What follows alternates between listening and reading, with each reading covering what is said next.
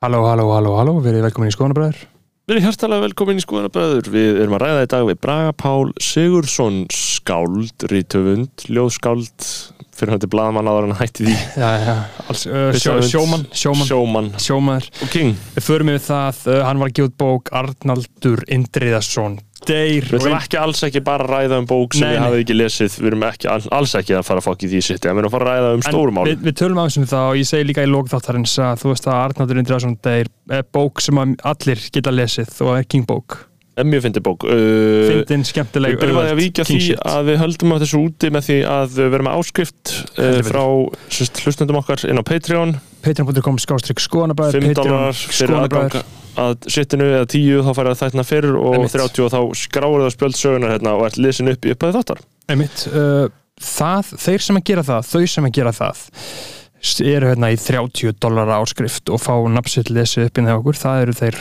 Rútur X, Svo er það uppáhalds leikar minn Jóhannes Haugur King the Goat eins og hann kallar sig. King Joe the Goat. Já, King Joe the Goat. Uh, Andrea Dilljá Edvinsdóttir Andris Jónsson, Benedikt Bjarnason, Björgun Helgi. Brynjar Guðmundsson. Erik Olof Petró, Geoffrey Huntington Williams. Hjörtur, Hall, Hjörtur Páll Hjartar. Halfdán Svensson, Sindri Kampan, Skúli Halldórsson. Sturla Snorarsson X Nonni X. Árumann Friðriksson. Ari Helgason og þar með eru upptaldir þeir sem eru með 30 dali á mánuði. Einmitt, uh, en síðan eru einhverja fleiri einna Sér eru tveir King styrkja kongar Stefán Daði og Tandri Snær Traustason. Uh, Tandri Snær Traustason komin aftur, velkomin aftur Tandri. Hann, hann, hann borgar, nei Tandri, Tandri er ekki ekki fara neitt sko. Nei, var það Stefán Daði sem datt út? Stefán Dæði, það var eitthvað teknilegir örðuleikar hjá hann Já, gott að sjá að hann sé komin aftur með 107 dali og hann er styrkja kongur. Stefán Daði, Já. það mikið með það. Stefán Dæði styrkja kongur. Skoðanabræða, það er titill sem að er uh, mikilvægur í samfélaginu. Uh, Stefán Dæði, takk fyrir þinn stöðning, þú mikli fucking king og Tandri sem er leiðis Einmitt. Svo eru tveir enga aðilar fyrirtækinu hjá okkur sem að borga fyrsta, þetta fyrirtækinu Hamból CBD olja borgar hérna 111 mánuði. Uh, og þeir segja láttu þér líða vel, þú átt það skilið. Hamból CBD olja skotan er 20 fyrir 20% afslátt hamból.is mm og svo er styrkja kongurinn í fyrirtækjaflokki sem við Já. viljum ekki ekki auglýsingar heldur bara fyrirtæki sem ákvaða styrkja okkur en styrkir okkur um 200 dali á mánu sem við kunum virkilega er 200 dólar á mánuði og þar er titillin Júlevenner MC Gauta í Háskóla Bíó nokkri miðar eftir 23. DS á tix.is Beggi talaði um hvað það er gaman að þessari síningu Þetta er klókt. Já, þe- þe- þetta er, hann Gauti er, hann er glöggur, sko, uh, hann, ég get talað um það að það er gaman á þessar sýningu. Já, Uh, ég er og, nefnilega mjög spenntur að fara já, við erum með miða frá, frá Gauta, þarna, uh, á þessar sýningu, Mhm. 23. des, þannig að ef þið viljið fara á þessar sýningu, þá getið þið hitt okkur líka í leðinni. Mhm. við verðum hérna ferskir á kanti, ég get fakta það að það er gaman á þessar sýningu. Þetta er ekki jólalög, ég er náttúrulega, er mjög mikið á móti jólalögum almennt og jólum, bara þessar stemmingu, ég tengi ekki við þetta, en þetta er good shit, þetta er aðalega grín Mhm. uh, þegar ég fór hana, ég fór sko á svona uh, general pröfu síningu, eitthvað svona jólinn 2019 fyrir COVID, ég held að það hafi ekki verið 2020 Mhm. fór á svona eitthvað svona ókipið síningu sko, ég að eftirminnlegt þá hitti ég einmitt Dannan Deluxe þar og hann sagði hérna hinga eru samankomnir allir frílótirar landsins Já, fá ekki við skjól Já, nei, þetta var eitthvað svona general pröfu síning skilur, Já, já, hann já. borgaði þig ekki inn skilur, og þú veist, það hefði gauti selt inn að þetta bara þúsund kall, það var grætt einhverja miljonir sko. Mhm. þetta var fullu salver að fólki á að koma ókipis ég fór það og ég skemmti mér fucking konunglega. Uh, löng auðlýsing fyrir Já, hérna, þú ert svo ginnkeftur og heimskur. Uh, júluvennir Eh, þessi gauta, en tjekkja á þessu þetta er gott málefni, uh, nótið þáttarins með Braga Pál. Fyrir hver að bakið um að sé eigi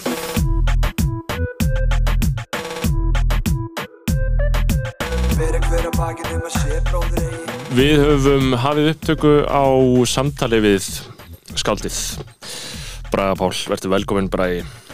Takk fyrir það. Takk fyrir, hvern- takk fyrir að fá mig hérna. Já, eh, takk fyrir að, að heiður okkur með nærverðinni mm Ó, Það er ekkert annað. -hmm. Þarna, hvað eh, hvernig er skapert í? Akkurat núna, Já, sko, akkurat núna er ég bara mjög góðu skapi. Mm -hmm. það, hljómar eins og hafið ekki verið í góð Nei, skap nei, á ég er náttúrulega búin að vera í mjög vondur skapi. Já. uh, Fyrir sólarhing að þau hefði spurt mig þá, þá hefði svari verið öðru sí uh, Ég er náttúrulega átt sko tvö börn sem eru sex ára og tveggjára og hérna uh, þau fá og draga inn á heimilið alla pestir sem að mm. Já, ganga í samfélaginu. Mhm. því að nú einmitt er allir farnir að takast í hendur og Eru þau að draga inn knúsast. COVID? Eru þau að koma COVID? Ekki COVID en þá Nei, Þetta er bara svona hefðbundnar börnin eru að mörguleiti ábyrg fyrir COVID núna sko.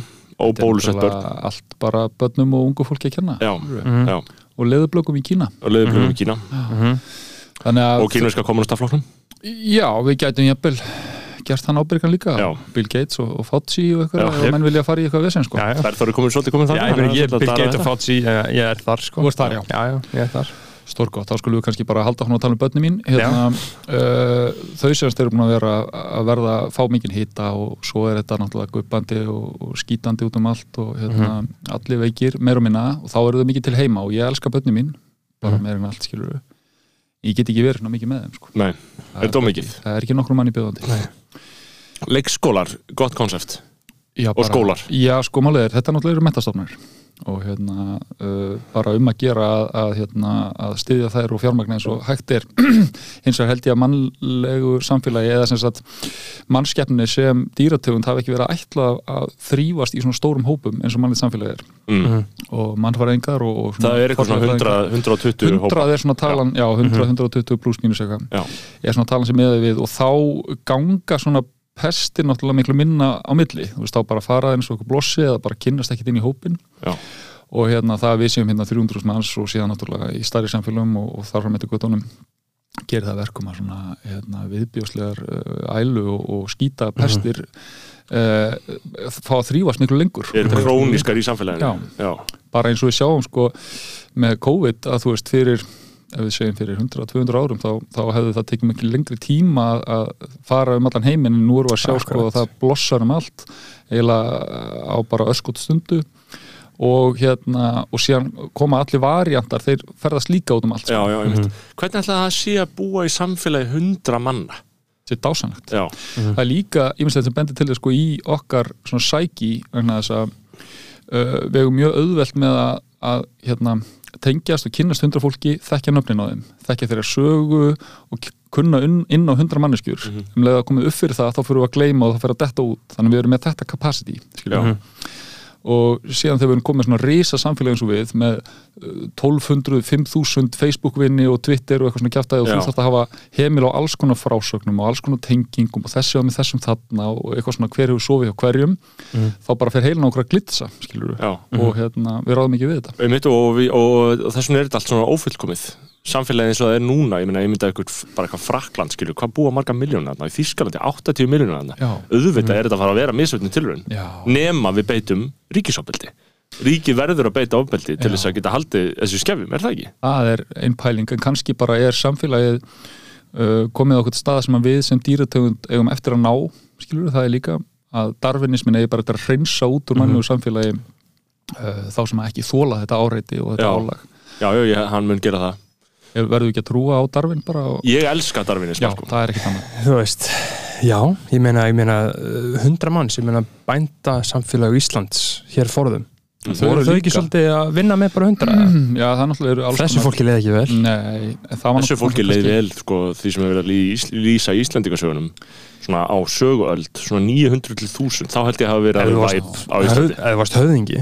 Já, en þú veist uh, Já, en þú veist, þú ert að drepa á eitthvað Já, náttúrulega upp úr þúsund þá fer þetta allt í fjandan sko, Já. kemur hérna nýji siðurinn og, og hérna og svona verður til þessi allavega sangant sögubókunum verður til þessi yfirstjætt hérna sem að svona fyrir að tróna yfir öllu en, en það er náttúrulega gaman sko út af þessari ríteilu uh, Bergsveins og, og félaga uh, með landnámu að hérna og hversu örug hún sé sem einhver sakfræðileg heimild að hún náttúrulega er það alls ekki. Hún er skrifuð sko mm, uh, nokkur hundruð árum eftir Jú, jú. uh, landnám fjármögnuð af norskum aðli til þess að staðfesta eign normanna í rauninni eða þessar norskur fjölskylda sem að, hérna, komi hingað til Íslands og settist hérna að staðfesta eign þeirra á landinu og hér hafa engin verið fyrir en síðan náttúrulega eru eru fórlega fræðingar að grafa það upp að hér hafi bara verið byggð af keltum og ekki einhverjum helvítis munkum Þetta er svona mítológisering fyrir. Þetta er Er, svona er, er, er verið að fakta það? Að hér hafi bara verið King Keltar slangir á því? Já, sko, bæði er að koma upp uh, sko, þetta er sko eina mínum uppáhalds samsæðiskenningum, mm Mhm. skilur við að því að það eru svona fáar samsæðiskenningar varðandi landnám Íslands Mhm. sem, að, sem að almenningur er eitthvað að tyggja Mhm. mikið á og Já, kjánsa já, ég er, það, er er allir bara í- intrigued. það er allir bara í Bill Gates og, og hérna Illuminati og komið með mér aftur í tíman Aftur í tíman, ég er mjög til það. Um, hingað náttúrulega er að koma uh, normenn samkvæmt landnámu sem að í rauninni höfðu veðjað á rángan hest í, uh, í valdatabli í Núrei þeir hérna, veðja á konung sem að þeir haldi að eigi eftir að segra stríð sem hann tapar.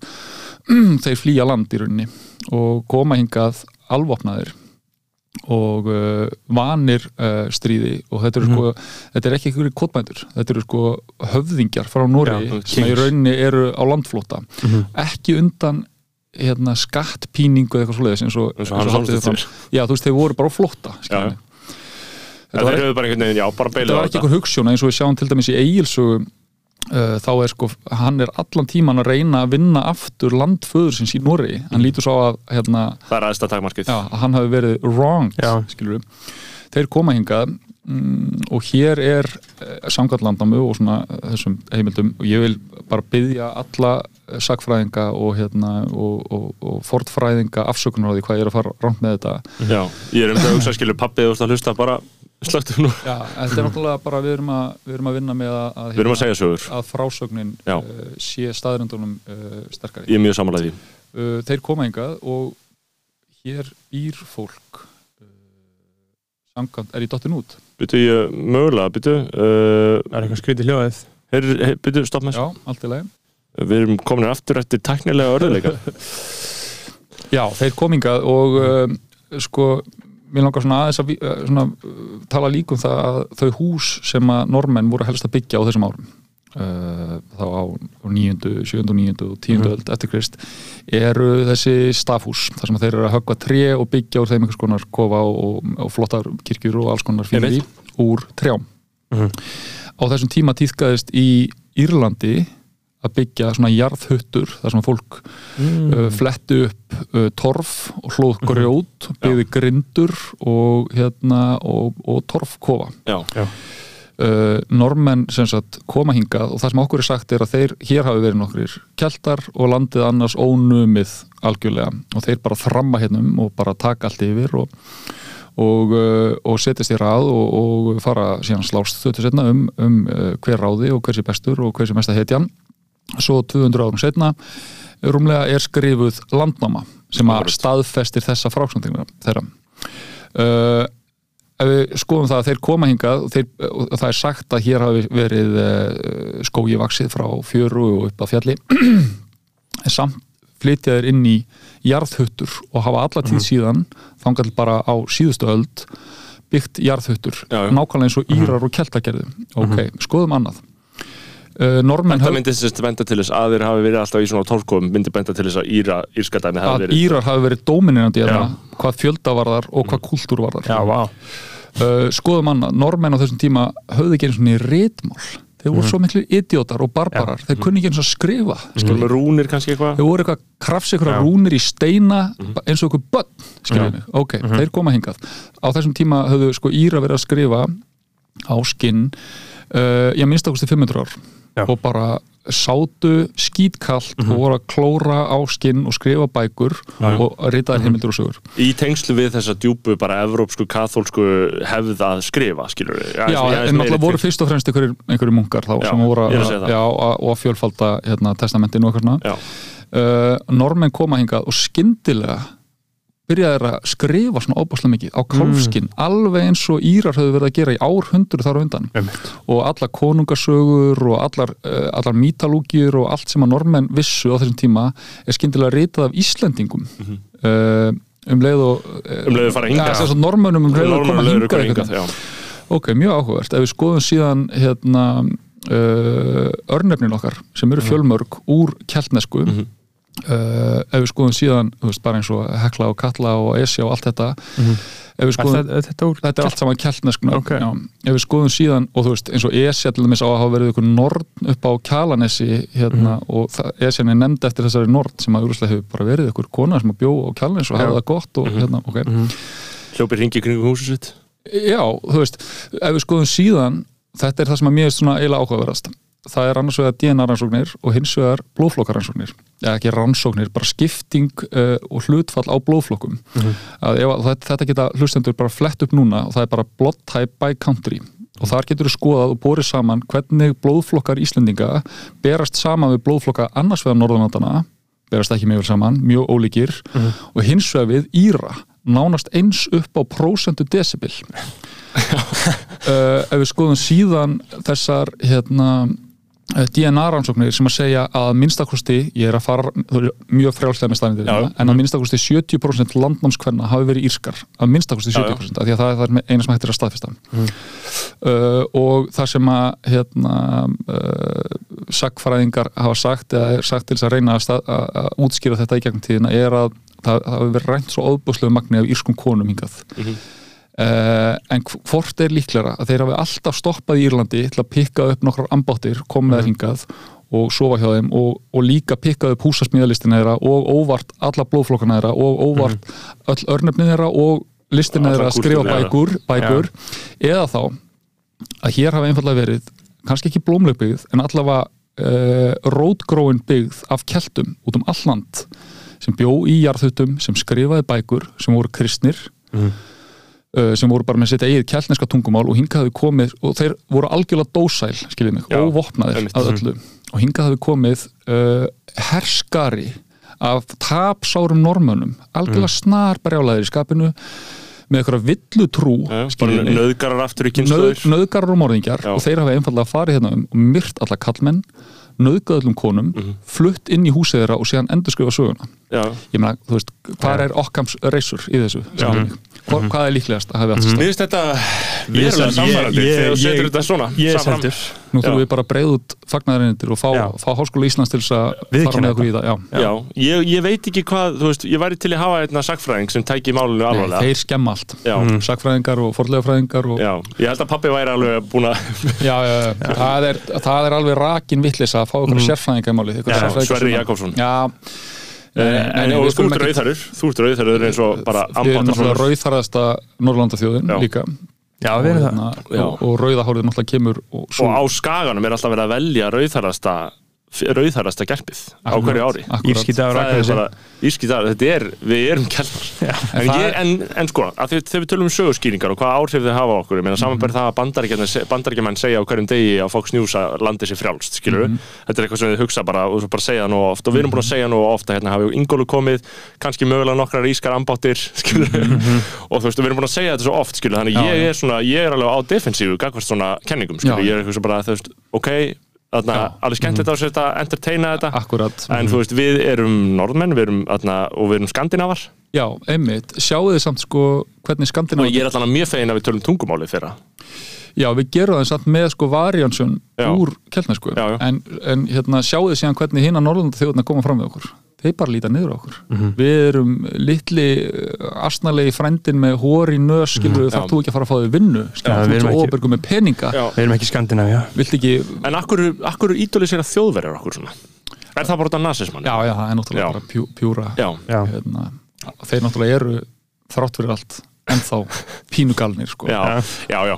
og, hérna, og ég meina sko, þú veist, það hafa líka var bara verið að fjalla um daginn að, að það var bara mega rannsókn inn í uh, þýska embætsmannakerfið og alla saksóknara og all, all dómskerfið og all ráðuneytin og allt þetta dót skiluru Mm. og all lögurkerfin skiluru og bara alveg áratögum eftir að nazismenn hætti þá voru þetta ennþá allt bara einhvern veginn algjörlega síkt af nazisma sko. Ég sá einhverja, einhverjar hérna, skoðanakannir sem voru gerðar í Þýskalandi uh, svona 60 eitthvað. Það var spurt bara hei, hypothetist, ef að næsta flokkur myndi bjóða sér fram núna, myndur þú kjósan og bara 30% væri bara, Mm. já. Eiga þeir ekki annan séns skil, er þeir ekki búin að þjást? Nóg greið strákar. Um að gefa þeim annan séns. Um, það er sko margt, það er margt sem við þurfum að ræða bræði og það er auðvitað alltaf góður ekki alltaf verðt að byrja á því sem ég vil ekki kalla út út úr heldur auðvitað líka þetta bara vega mikið atri, atriði. Nei, ég er mjög seldur og ég ætla að kynna mér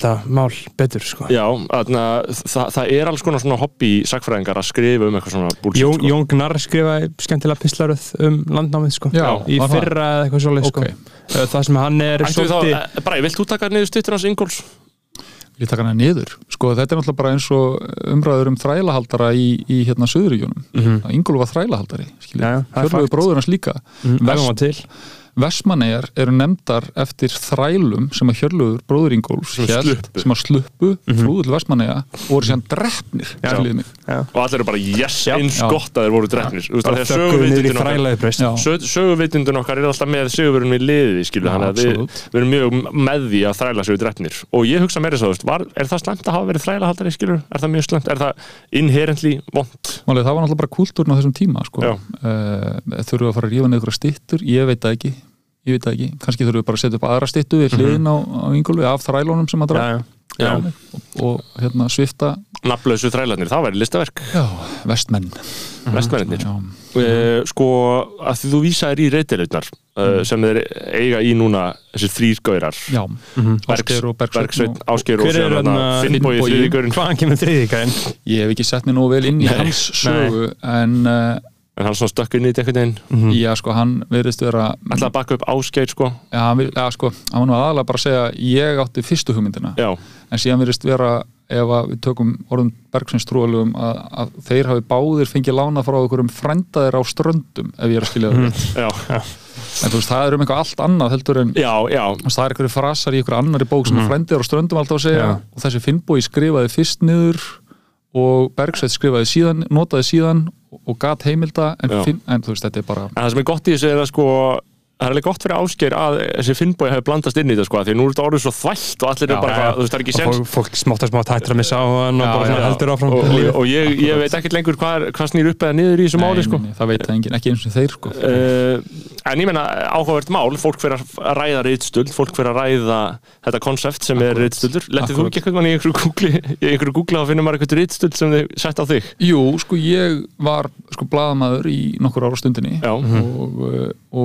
oft eru blaðamenn að nota aðrar greinar um Já, já. sömu efni sem tilvísanir og þar copy-pastaði ég bara nánast orður rétt stóran hluta á greininu minni upp úr ykkur grein og breytti bara ekki nánast staf sko. nei, mitt en ég vil líka sko að skoðum eins og að því við erum að ræða íslendingasögurnar og, og þess að stráka þarna hver hafi stólið mm hverjum Já. og sko það sem gerist alltaf með með uh, uppkomu vísindarsamfélagsins og því að vitna í heimildir og, og þessi hugmyndum höfundin sem uh, uppsprettu alls. Já, er það að þú veist frá bara sk- uh, þá þegar mangi, mangin fór að skrá niður sína sögu uh, þá höfum við verið að taka sögur af fólki sem við þekkjum og afbaka þær og segja þær aftur. Og við erum stöðut að stela og lán, fá að láni og segja aftur. Og veist það er bara það sem við gerum. Og skreitum söguna eins og, eins og við vorum að gera hérna áðan. Grunnurinn í blaðamennsku er þetta? Já, í rauninni sko. Uh, að taka sig það vald að, að segja sögu einhvers annars. Akkurat, þetta hafa sko allir uh, rithöfundar í gegnum tíðina gert að einhver leiti og það er náttúrulega er frægur frasi sem að hérna, ég man ekki hver saði ég ætla ekki að eignum neitt af því þá var ég að stela og gefa ykkur um, en það er sem sagt uh, good artists create great artist stíl og uh, þetta er það sem að okkar helstu rithöfundar í gegnum tíðina hafa gert mjög mikið af. Haldur Lagsins ferðaðist um landið og talaði við bændur og stál miskunnlust bestu söguna þeirra. Og það er þetta að rekja hvaðan söguma söguna komu. En það sem hann gerir náttúrulega og góður að gera er að þeir smíða það saman í eitthvað eh, nýtt og skemmtilegt Já. og liftaði upp á herra plan. En Já, já. eru líka náttúrulega bara rithöfundar eru bara hirðfíbl skiljum við, við erum Já. bara að, að tralla og þykjast og sínast hérna fyrir lesendur og reyna að skemmta fólki skiljum við, já. og allt annað finnst þér, rítöfundurinn sinn tí hafa verið svolítið upphafinn? Alveg gríðarlega. Eh, sko, það er bara einhver eðli afleðing af því, að, þú veist hvað þetta er ég veit ekki, dulafullt starf eða, eða einrænt eða hvað þú vilt kalla það en þegar allt kemur til alls þá erum við bara að segja sögur til þess að reyna að skemmta fólki. Og hérna, það vilja allir vera vinsalasta hirðþýplið, skilur við og hérna, en síðan uh, sérstaklega ég veit ekki hvort það tengist kallmennsku eða eitthvað en við viljum láta dyrk okkur sem einhver svona demigods. Við séum, Já. að, þú veist, og allt þetta við erum að búa til veröld sem þið getur stíðinn í og eitthvað svona bleið, skilur við en Sko- við erum bara að segja sögur. Og við erum bara að reyna að að skemmta fólk skemmta fólki. Sko það er náttúrulega líka það færir okkur líka inn á þína bók sem þú varst að skrifa Arnaldur Indriðarsson Deyr. Eh, og líka talandi um að skapa svona veröld. Það er alltaf mörg skáldskapar og veruleika og svo framvegis og eh, fólk hefur stokkið svolítið upp að nasi sér að þú ert að skrifa um alveg fólk. Mm. uh, og þetta er stórt viðfánsefni það er, það, það er mörg skáldskapar og veruleika og, og hvað við búum til og hvernig við, þú veist. Það er eins og að sé einhver það er eins og allir, það er eins og þú hefði getað sloppið við allt með því að bara setja önnu nöfn í staðinn.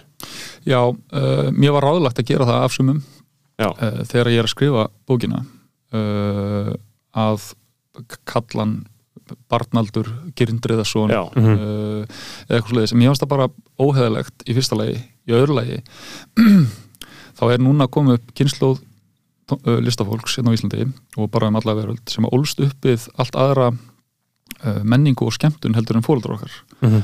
við ólumst upp við Simpsons og við ólumst upp við South Park og við ólumst upp við það að það væri alltaf lægi að taka raunverulega personur og skurmskæla þeir og gera grína þeim og síðan bara skila þeim frá sér í svona listaverki. Og hérna uh, þú veist hvar mörkin liggja, hvar sé farið yfir strikið, það er bara persónulega upplifun hvers og eins, skilur mig. Um, ég upplifi ekki í þessari bók að ég hef gert Arnandi Indriðasinni eða neinum öðrum neitt grikk. uh, það er, mittist enginn við gerð þessar bókar og ég upplifi ekki að neinar persónu sem að koma fyrir henni uh, geti lesið þetta og skamma sínið orðið reyðar, skilur mig að því ég, Mm.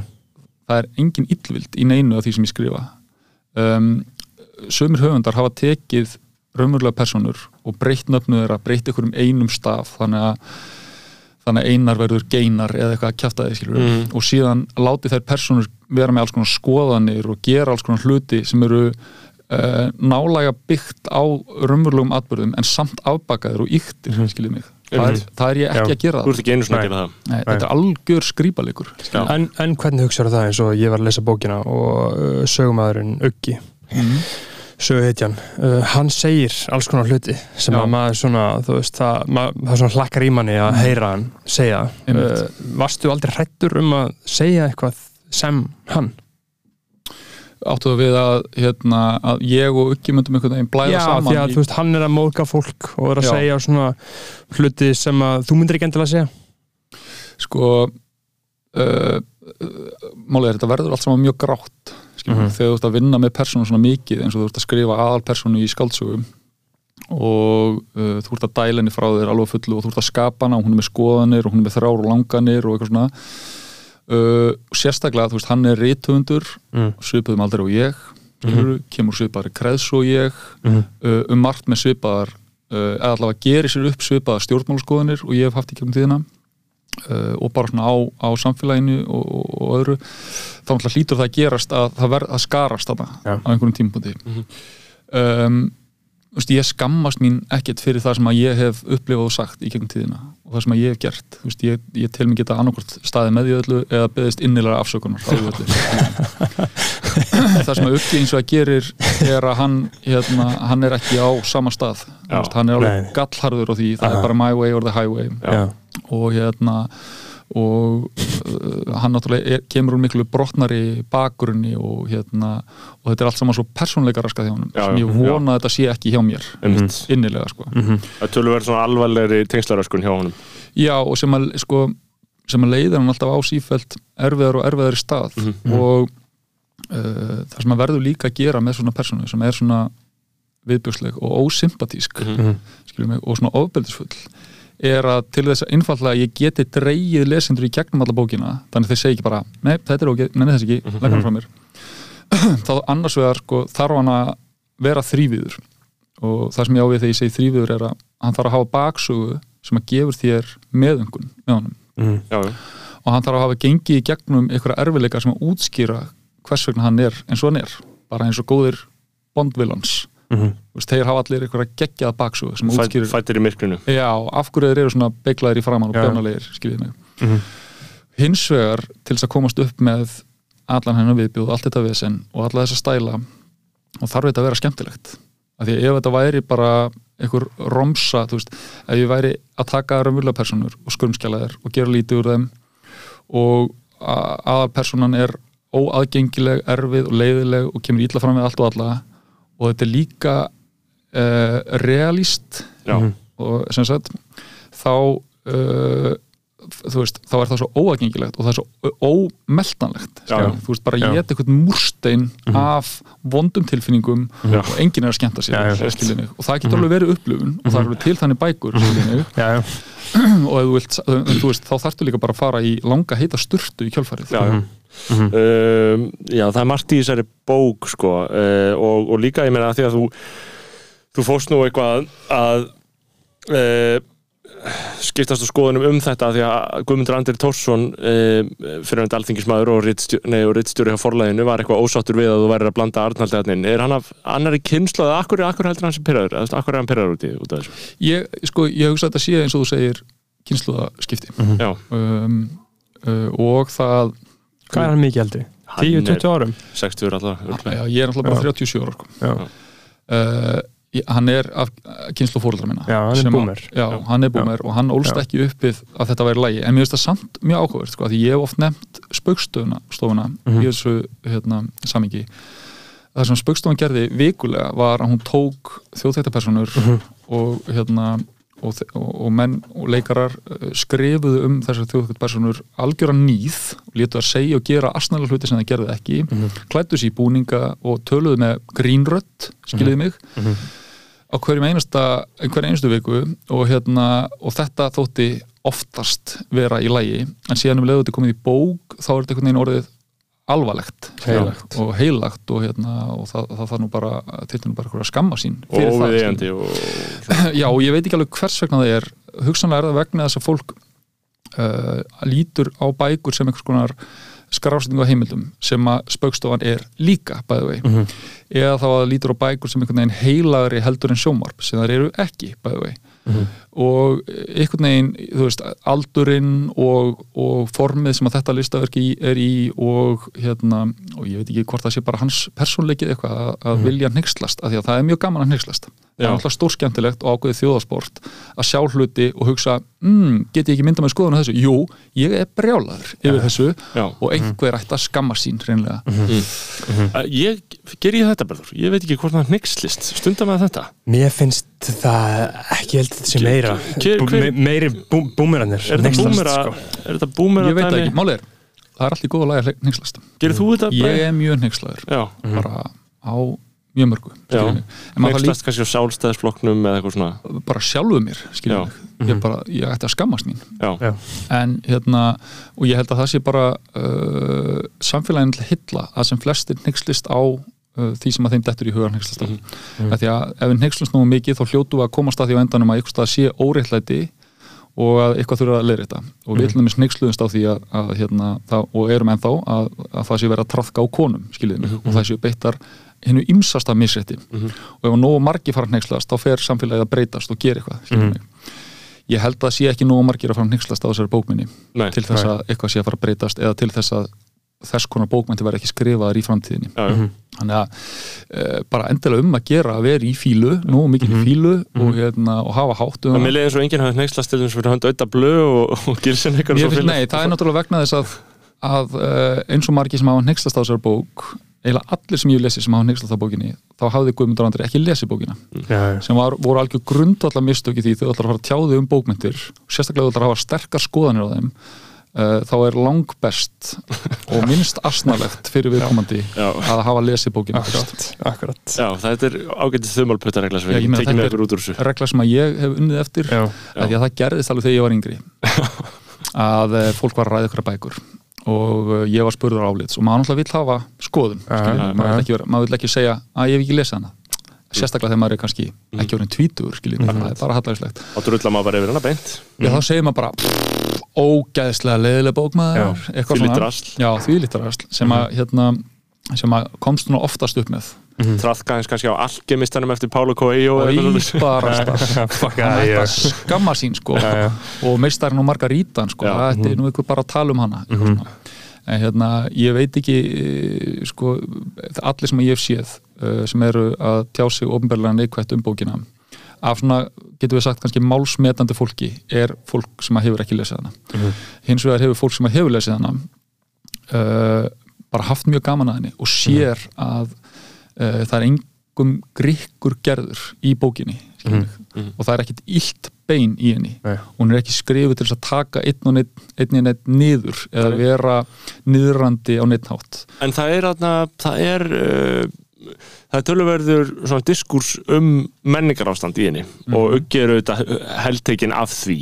Uh, og svona fyrir, fyrir þá hlustendur sem hafa ekki lesið bókina þá, þá þurfum við ekkert að óttast slíka umræði minna þetta er bara svona bitur gaur sem hatar allt og hatar, þarna, hatar uh, ákveðna þætti í menningunni og svona hvað hatar, er, eru ósáttur við að hvað nýtur vinsælda og svo framvegis og uh, það er svo sem bara mjög klassist, það er bara svona katsinandi ræ dæmi. Mm Er þú ósáttur við menningar ástandið? Eru við, elsku við ömulegt shit? Alls ekki, ég held bara að menning uh, hvers og eins tíma sé bara, bara fullkomin eins og hún er. Það hlýtur náttúrulega alltaf að gerast að þorri almenning strægist að uh, ákveðinu list sem er aðgengileg og þægileg og auðmeltanleg mm. mig og síðan sé á jæðrinum uh, fólk með annars konar list sem að hérna, hlýtur þó að líta niður á meginströmslistina og Mhm. mm. að hún sé einhvern veginn óæðri sem hún er ekki Mhm. veist, það er bara öllum frjálst og heimilt að, að hérna, inntaka og, og, og upplifa alla þá menningu sem þeim vilja hvort sem það er veist, Bubbi eða hvort sem það er uh, Keflavík eða Kælan Mikla eða, eða ég eða Arnaldur eða, eða Jón Kalman, hvað sem það er skiljið mig það þurfa allir bara að finna sitt sjálf og tengja við þá listum að þeir tengja við. Mm. og það er ekkert mitt eitthvað að dæma um að uh, ákveðni listamenn séu einhvern veginn óæðri en einhverjir aðri að því að þeir gera aðgengilega list Já, en maður hatar svolítið oft drast, skilur það er bara frábært Já. skilurðu. en það þýðir líka að þú hefur fundið það sem þú elskar. Mm. og hvað þú vilt ekki og hvað þú vilt þetta er bara eins og matur eða fólk eða fatnaður eða hvað annað. Þú, veist, þú bara finnur það sem að passa við þig og heldur þig þar. Og það er bara í góðu lægi og það er ekki mitt að segja uh, allir sem er í hvítum bólum, þeir eru bjánar og það ættu allir að vera í grænum og svörtum og hvítum peysum, þú veist, það er bara Nei, það er, það er toxic, það er toxic nálgun en Uggi er þar. Hann er með báðafætur þar. Og það er ekkert sem hann elskar. Það er aldrei tekið fram. Hann Ha, er re- engin sérstakur aðdándi Nei, neins sko- að fílar ekki neitt er reyndar að því þú varst að tala um 70 mínútur strákana, þegar hann er að blogga um þá þá talar hann um sem sagt, þá sem framleiðendur barnaefnis sem þeir náttúrulega hafa verið á lungum stundum í sínu lífi. Og, uh, og þá minnist hann á um, ljóðabækur Þórarins Eldjáts sem bæði eru frábærar skilur mig, en hann, hún finnst það eitthvað til marks um eitthvað svona gamla góða tíman þegar fólk var að gera já. alvöru list fyrir börn. Já, já. Og hérna uh, Bryndís og Þórð Húsvörð sem að stjórnuðu hérna uh, stundin okkar okkar. fyrir minn tíma Já, já. ég man ekki eins og eftir þeim sko. Bryndis Skram já, það þykir eitthvað svona svolítið, svolítið fínt sko. Einmitt. Já, já. Það er svona gullöld já, og hann er oft svona og, og, veist, þannig að hann er að dyrka og þú veist, síðan fer hann með ljóð á einum tímapunkti uh, sem er líka, þú veist, og öll svona menning er svona 30-40 ár pluss eldri. Já. Þú veist, hún finnst einhvern veginn hafa orðið hnignun og þá Já. sérstaklega náttúrulega með tilkomu krimmana í íslenskum Já. það er svona það sem hann hefur helst í hotnin sér. Sko, þessi krimmar, ég les ekki krimmar mér finnst ekki glæparsögur skemmtilegar. Finnst ykkur glæparsögur skemmtilegar? Nei. sko, ég hef alveg haft gaman af alls konar glæpsum Já, og ég hef alveg haft gaman til dæmis á bókunum hans Arnaldar. Og við eigum fullt af algjörlega frábærum glæpsagnahöfum já, uh, svo hefur skoðum til dæmis bara uh, Agatha Christie það sem hún gerði á sínum tíma bækundunum Sherlock Holmes sem eru ótrúlega skemmtilega skrifaðar og Sherlock náttúrulega ákveðin svona prototýpa fyrir um, þennan um, hvað getur við sagt gallaða uh, rannsakanda í galæpasugunum sem Mhm. er, hann var náttúrulega sprautufíkill og, hérna, mikill skítæll og svona Já.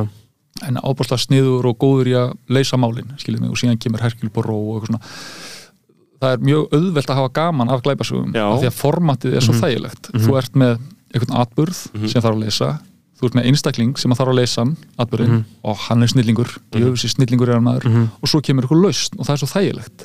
Þetta er bara svo hljómagangur í tónlist. Þú veist, þú byrjar á býr til streitu og svo kemur eitthvað sem lokar hringnum og það kemur losun. Það er svo þægilegt. Það er eitthvað fundamental í þessu sem dregur alla að þessu. Já, það er það, skilur og við höfum áhuga á glæpum og glæpasögur eru náttúrulega eins og oftast allar skáldsögur sögur um fólk, skilur og sögur af harmi og sögur af sigurum og hvað fór úrskeiðis og það er þetta að gera svo margt og setja svo margt inn í þetta form sko. Og það er líka alltaf verið að segja stundum er skrifað í alls konar dómum um glæparsögur sem eru svona eitthvað, já, þetta er ekki bara glæpasaga. Þetta er svona, þetta er ekki bara glæpasaga, þetta er líka einhver persónuleg þróun og eitthvað svona bla bla bla bla bla. Og ef að ég var reytöfundur þá myndi ég hugsa, ok, það væri kannski æskilegast að uh, skrifa glæpasögu en svona eitthvað, þú veist, bæta við einhverjum eiginleikum inn í þetta. En ætla að sé eitthvað í bókmæntaforminu glæpasögu sem gerir þetta svona svona óhjákamilega einhver leiti grund skilur hvað ég við, þú veist, þú getur ekki þú veist, eitthvað skrifa glæpasögu sem, er alvöru, sem eru alvöru bókmyndir einhvern veginn. Ég held að sé ekkit útilokað sko. Ég held að þú getur alveg tekið þetta format og uh, unnið einhverja, uh, einhverja djúbstæða samfélagsgreinandi list Já. innan þess sko Já. og ég hugsa að það er alveg fólk sem er að gera það sko Já, uh, en við upplifum þetta held ég líka af því þetta er svo vinsælt, þá upplifum við þetta hljóti einhvern veginn að vera uh, óæðra uh, öðrum bókmyndastefnum sem Já, já. það þarf ekki endilega að vera að því að síðan sko, ef við skoðum til dæmis bara sitcom hérna, formatið sem er ennþá tölvist notað en náði svona ákveðnum hápunkti kannski á tíunda áratögnum Mhm. þar voru uh, samfélagslegar greiningar að gerast innan í sitcom heiminum skilur það sem við verið að skoða Uh, bara misrétti, kynþætti Já, já. eh, bara ímislegt innan sko, þú veist, Seinfeld og, og innan uh, eins, eins og við horfið á hérna Körbjörn Þúsíasson núna þar sem hann er stöðugt Larry David að takast á við og maður er ekki alltaf sammálunum en hann er að takast á við samtíman Já, já. á gaggrínin hátt út frá sínu eigin sjónamiði sem, sem eldri geðingur í Los Angeles mm. mig, og það er, veist, þá strax ertu farin að gera það sem að menn, góð menning gerir. Hún leifur okkur að upplifa heiminn með augum einhvers annars. Og þannig losum við okkur smá saman við fordóma, við upplifum meiri samkend, við upplifum meiri kærleika skiljum mig, það er það sem að Larry David er að gefa heiminn, það er að vera skítæl og, já, og, og einmitt bara segja frá meina, hvað er að frétta akkur núna? Svo núna í nýjustu seríunni þá er hann uh, að uh, þá er basically söglínan þannig að hann er, að- vill gera Netflix seríu um sig þegar hann var Masku lítill. sína. Já, um, um uppeldi, sína.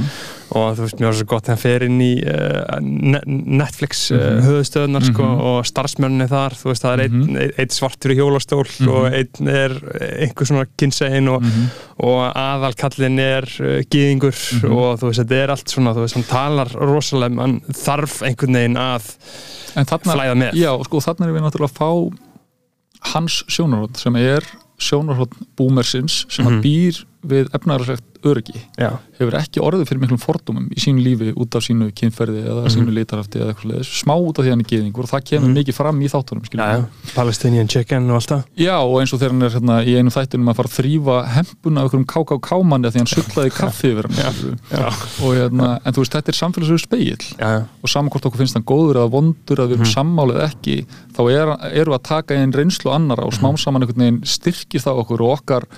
og og uh, reynsluheim, skilur Já. okkar upplifun af heiminum, af því að ef við búum í torfkóa og við tölum bara við papp okkar um stjórnmál og við um sammálunum já, og við tölum síðan bara við mannin á næsta bæ um það hvernig á að koma fram við konur og við, við já. hlýðum honum skiljiði mig Mhm. þá verðum við ekki fjölhliða góðar manneskjur. Eða þú veist, við getum alveg verið góðar manneskjur en það er ólíklegra að við sínum umbröðlindi og kærleik. Já maður ma tekur þessu kannski svolítið for granted sko.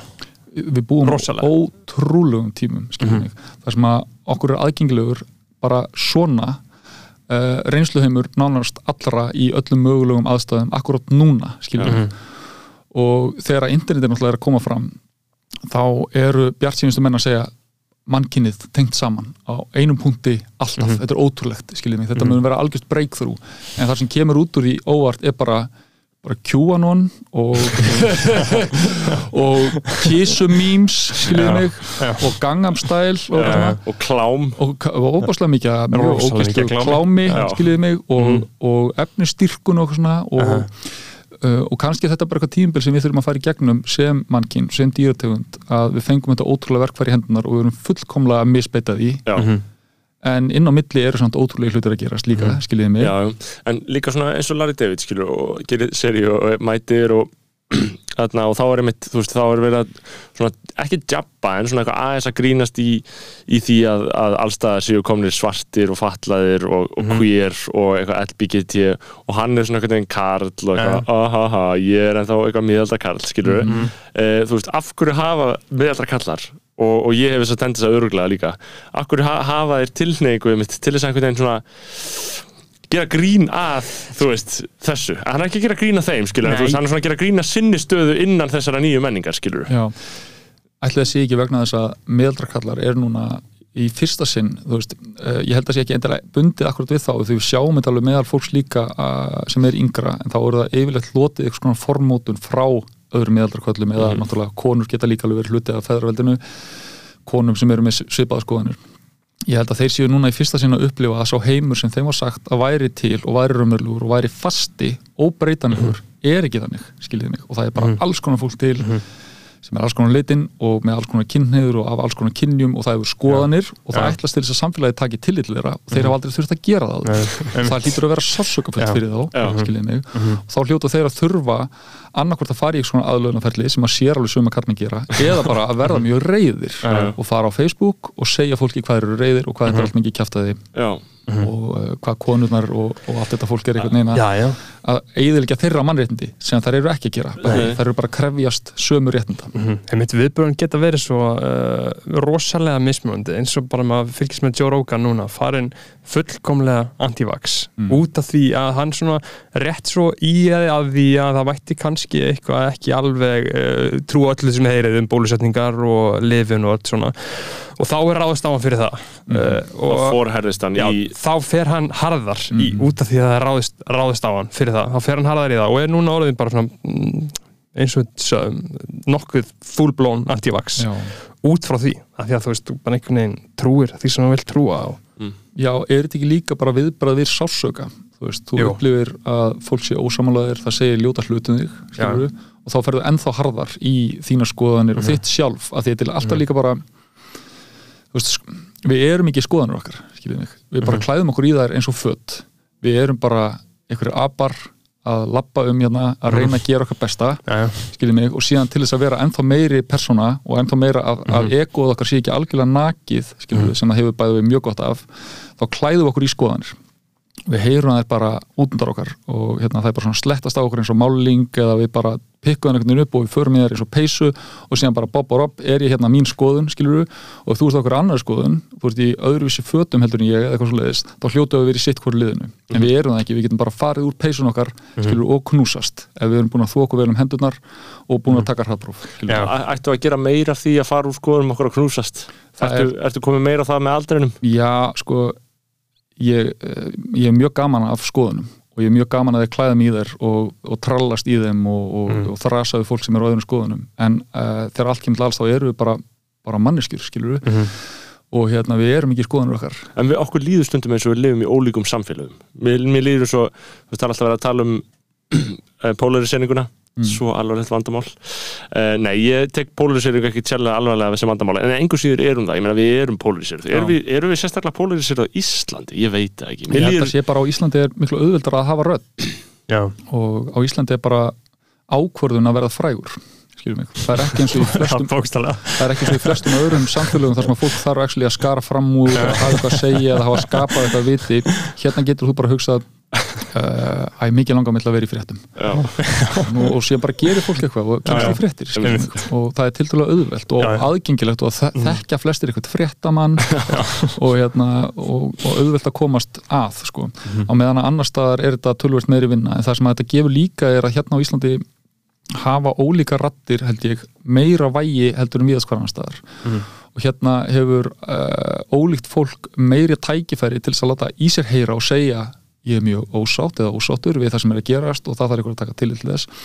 Þannig að ég held að polarisenningin uh, þegar ég var vann sem blaðan þá tók ég viðtal við uh, Guðna T.H. áður en hann varð fórseti og var þar að spurja hann ef þú vinnur þessar kostningar, hvar viltu að Íslendingar séu þegar þú lætur af embætti? Og hann sagði ég vona að við séum ennþá að rífast.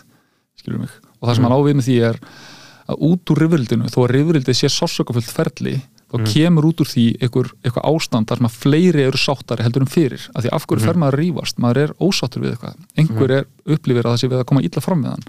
Þannig að rifrildið á sér stað og það er eitthvað svona fæðing fyrir eitthvað betra ástand sem að kemur síðan út úr því. Mm. við sjáum núna allar þessar MeToo-sögur og, og allt sem er að gerast í öllum hinnum mismunandi kemum Íslands samfélags og ekki bara Íslandi en bara út um allt þar sem að konur eru að segja Guð minn fokkin góður, það er búið að vera að klípa mig og tala niður til mín og nauðga mér í mörg, mörg, mörg marga áratví, í rauninni ár hundruð getið þið please hætt þessu. Já, og það sem kemur upp sem sásöka viðbrað egós karlmanna innan þess að geira og, já, og sumra kvenna er að þetta hlýtur að vera lígi, þetta getur ekki verið. Mm -hmm. akkur er þetta að koma fram núna, akkur hefur þetta ekki komið fram fyrir þetta hlýtur að vera uppspunni frá rótum, akkur er að reyna að eyðileggja landsliðuð okkar eða tónlistamenninu okkar eða hvað svo sem það er eða alþingismennin okkar, what have you?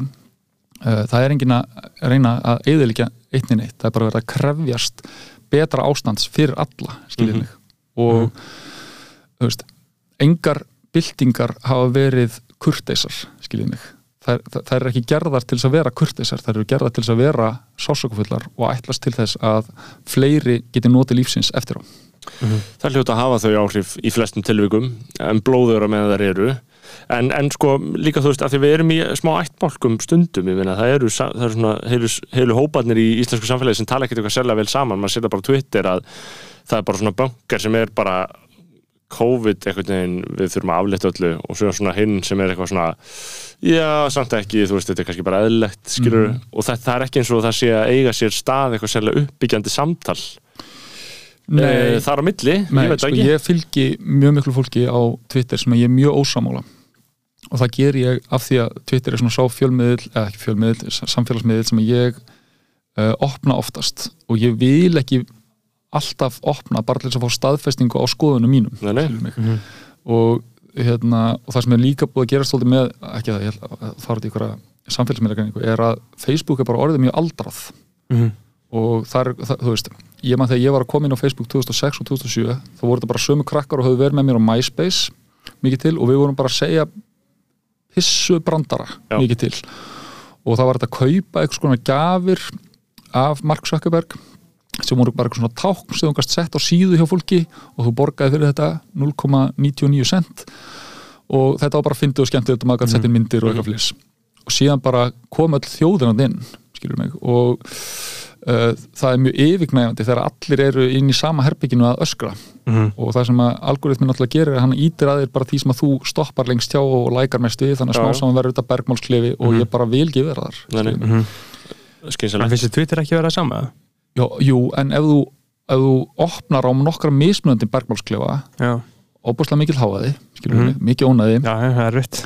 En þá ferðu líka að geta séð einmitt það sem þú segir, þessir mismunandi böngarar og þessir mismunandi hópar sem eru allir að reyna að samfæra bæði einstaklingarna innan sínshóps hei, við höfum rétt fyrir okkur, þetta er alltaf lægi við, við, það eru við sem erum með rétt upplýsingarnar Já, allir í hinnum böngarnum, rángar upplýsingar við þurfum bara að hafa meira hátt, við þurfum að læka meira hjá okkur eitthvað svona, Þetta er mikið gert, þetta er Já. mikið tekið. Já síðan er fólk sem stendur bara fyrir utan þetta allt saman og horfir á og er bara, hm, ætti ég að vera með eitthvað í liði, eitthvað svona, skilur við en, en þú veist, mér finnst lang skemmtilegast standa hjá, fylgjast með þessu öllu og hugsa bara hvað er það kærleiksríkasta í stöðinni hvað er það skinsamasta í stöðinni Mm. alltaf bara, hver er okkams reysur í öllu ástandi mm hvað er það líklegast að vera satt hérna? Og mjög oft er ég bara mjög sammála fólki sem ég er almennt alltaf ósammála og það er svo mm geðveitt holdt fyrir mig Já, já, það er geggjað. Og sjá bara, já veistu þetta er bara alveg satt mm. og, og líka er ég mjög oft ósamála mín, því fólki sem að kannski væri kalla mín skoðanarsískinni og sjá bara, jú, veistu, nú eru þið bara að vera kjánar, skilur mig. Uh, af því að þá sérðu líka stöðugt Það- þú veist, með þess ertu stöðugt að brjóta niður þá myndina að þú sért skoðaniðinar að þú sért að það sé eitthvað fasti Já. sem að þú ert bara, ég er bara fættist og ég, vegna er óhjákvæmilegt að ég sé með þessa hérna skoðanir og ég sé með þessu hérna fólki, þú veist, það er bara bullshit. Einmitt. við, getum, við þurfum að brjóta okkur í tætlur og séðan bara jafnvel ekkit setja okkur saman aftur Nei, nei En, uh, en, en þá er alltaf spurning sko hvort að uh, hvernig þetta hafi verið fyrir hvort þessi auðveldar eða léttar að gera þetta í dag? Eins og þú veist, ég er sammála öllum hærumönnum í uh, COVID-málum og mm. sótarðarmálum, bara mjög bara vil læka allt og bara steða allt, en ósamanlega mjög öllu öðru. Mm. ætli þessi miðlar séu að bjóða upp á það að þessi auðveldara að einhvern veginn uh, skilgrænaði sjálfur? Eða anstæðan við það? Mm, þeir náttúrulega gera bara það sama og, og kapitalismin hefur gert fyrir okkur öll sem er bara, þeir bjóða upp og þú getur klætti í þinn persónleika í gegnum samfélagsmiðluna Mhm. og það er bara einhver algoritmi í Kaliforníu sem að gera það fyrir þig Já, skilurðu.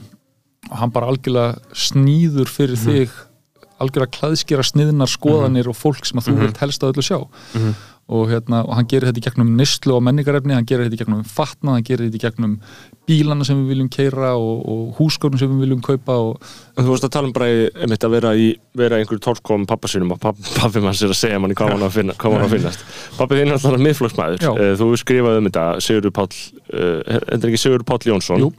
Uh, Þingmaður miðflokksins á síðasta kjörtímbili og var væntalega hvað í framsókn fyrir Já, hann var, var að þingmaður framsóknar Já. Þú ert ekki miðflokksmaður? Nei, Nei. nei. Þú ert þetta til dæmis hefur skrifað mjög mikið uh, um útlendingastofnun að, að hana þurfi jafnvel að leggja niður og svo framvegis að við þurfum að, að, að opna hliðin.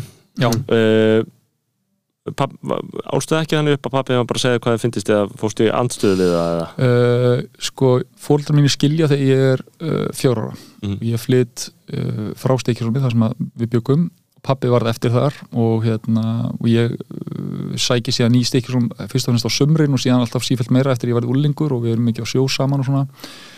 Og sko pappi er svolítið dulafull persóna, hann var ekkit mikið að opinbera sínar skoðanir á stjórnmálum fyrir en uh, í og eftir hrun. Hann kemur út úr skápnum sem framsjónmaður sem hann náttúrulega eins og þegar fólk oft kemur út úr skápnum þá svona eftir á megar að fullkomi sens, skilur mig Mhm. að hann hafi verið framsjónmaður allir tíman uh, og hérna, en sko ég hafi verið að gefa honum uh, alls konar eitthvað svona anarkískar radikal bókmentir já, já. uh, og verið svona eitthvað að viðra við hann og það finna við hann er held ég sko pappi hans uh, var uh, aðstof kaufélagstjóri í borgarnesi áratugi Jú. og og kaufélagi Já, kaufélagi og framsókn náttúrulega mjög nátengdir hlutir og, og framsókna flokkur er náttúrulega bygg, byggður upprunalega á sósialískum hugmyndum. Mhm. þar sem að bændur er að taka valdið frá uh, yfirvaldinu Og sín, og kaupmönnunum Já. til sín aftur skilur, þar sem þeir eru að segja bara, hey, við þurfum að standa saman. Það ert þeir sem er Já, mjög falleg hugmynd og innan framsóknarflokksins er ennþá hef ég komið stað uh, fullt af fólki sem er ennþá þarna og það byrtist alveg pínu í þeirra áherslum og svona. Uh, þannig að það er það sem að hann fer með fyrst og fannst inn í inn í sína pólitísku sko, vegferð. Uh, svo náttúrulega eh, þú veist, er hann bara með sinn reynsluheim og sínar upplifanir af því að vera karlmaður fættur 1958 af fólki sem fættist í Torfkóa skilur mig. Já, já. Og hérna uh, þannig að hans sko við bæði eða sem sagt börnin hans já eina uh, sýstur sem er hálfsýstur mín og svo pappi eitt fóstursson líka.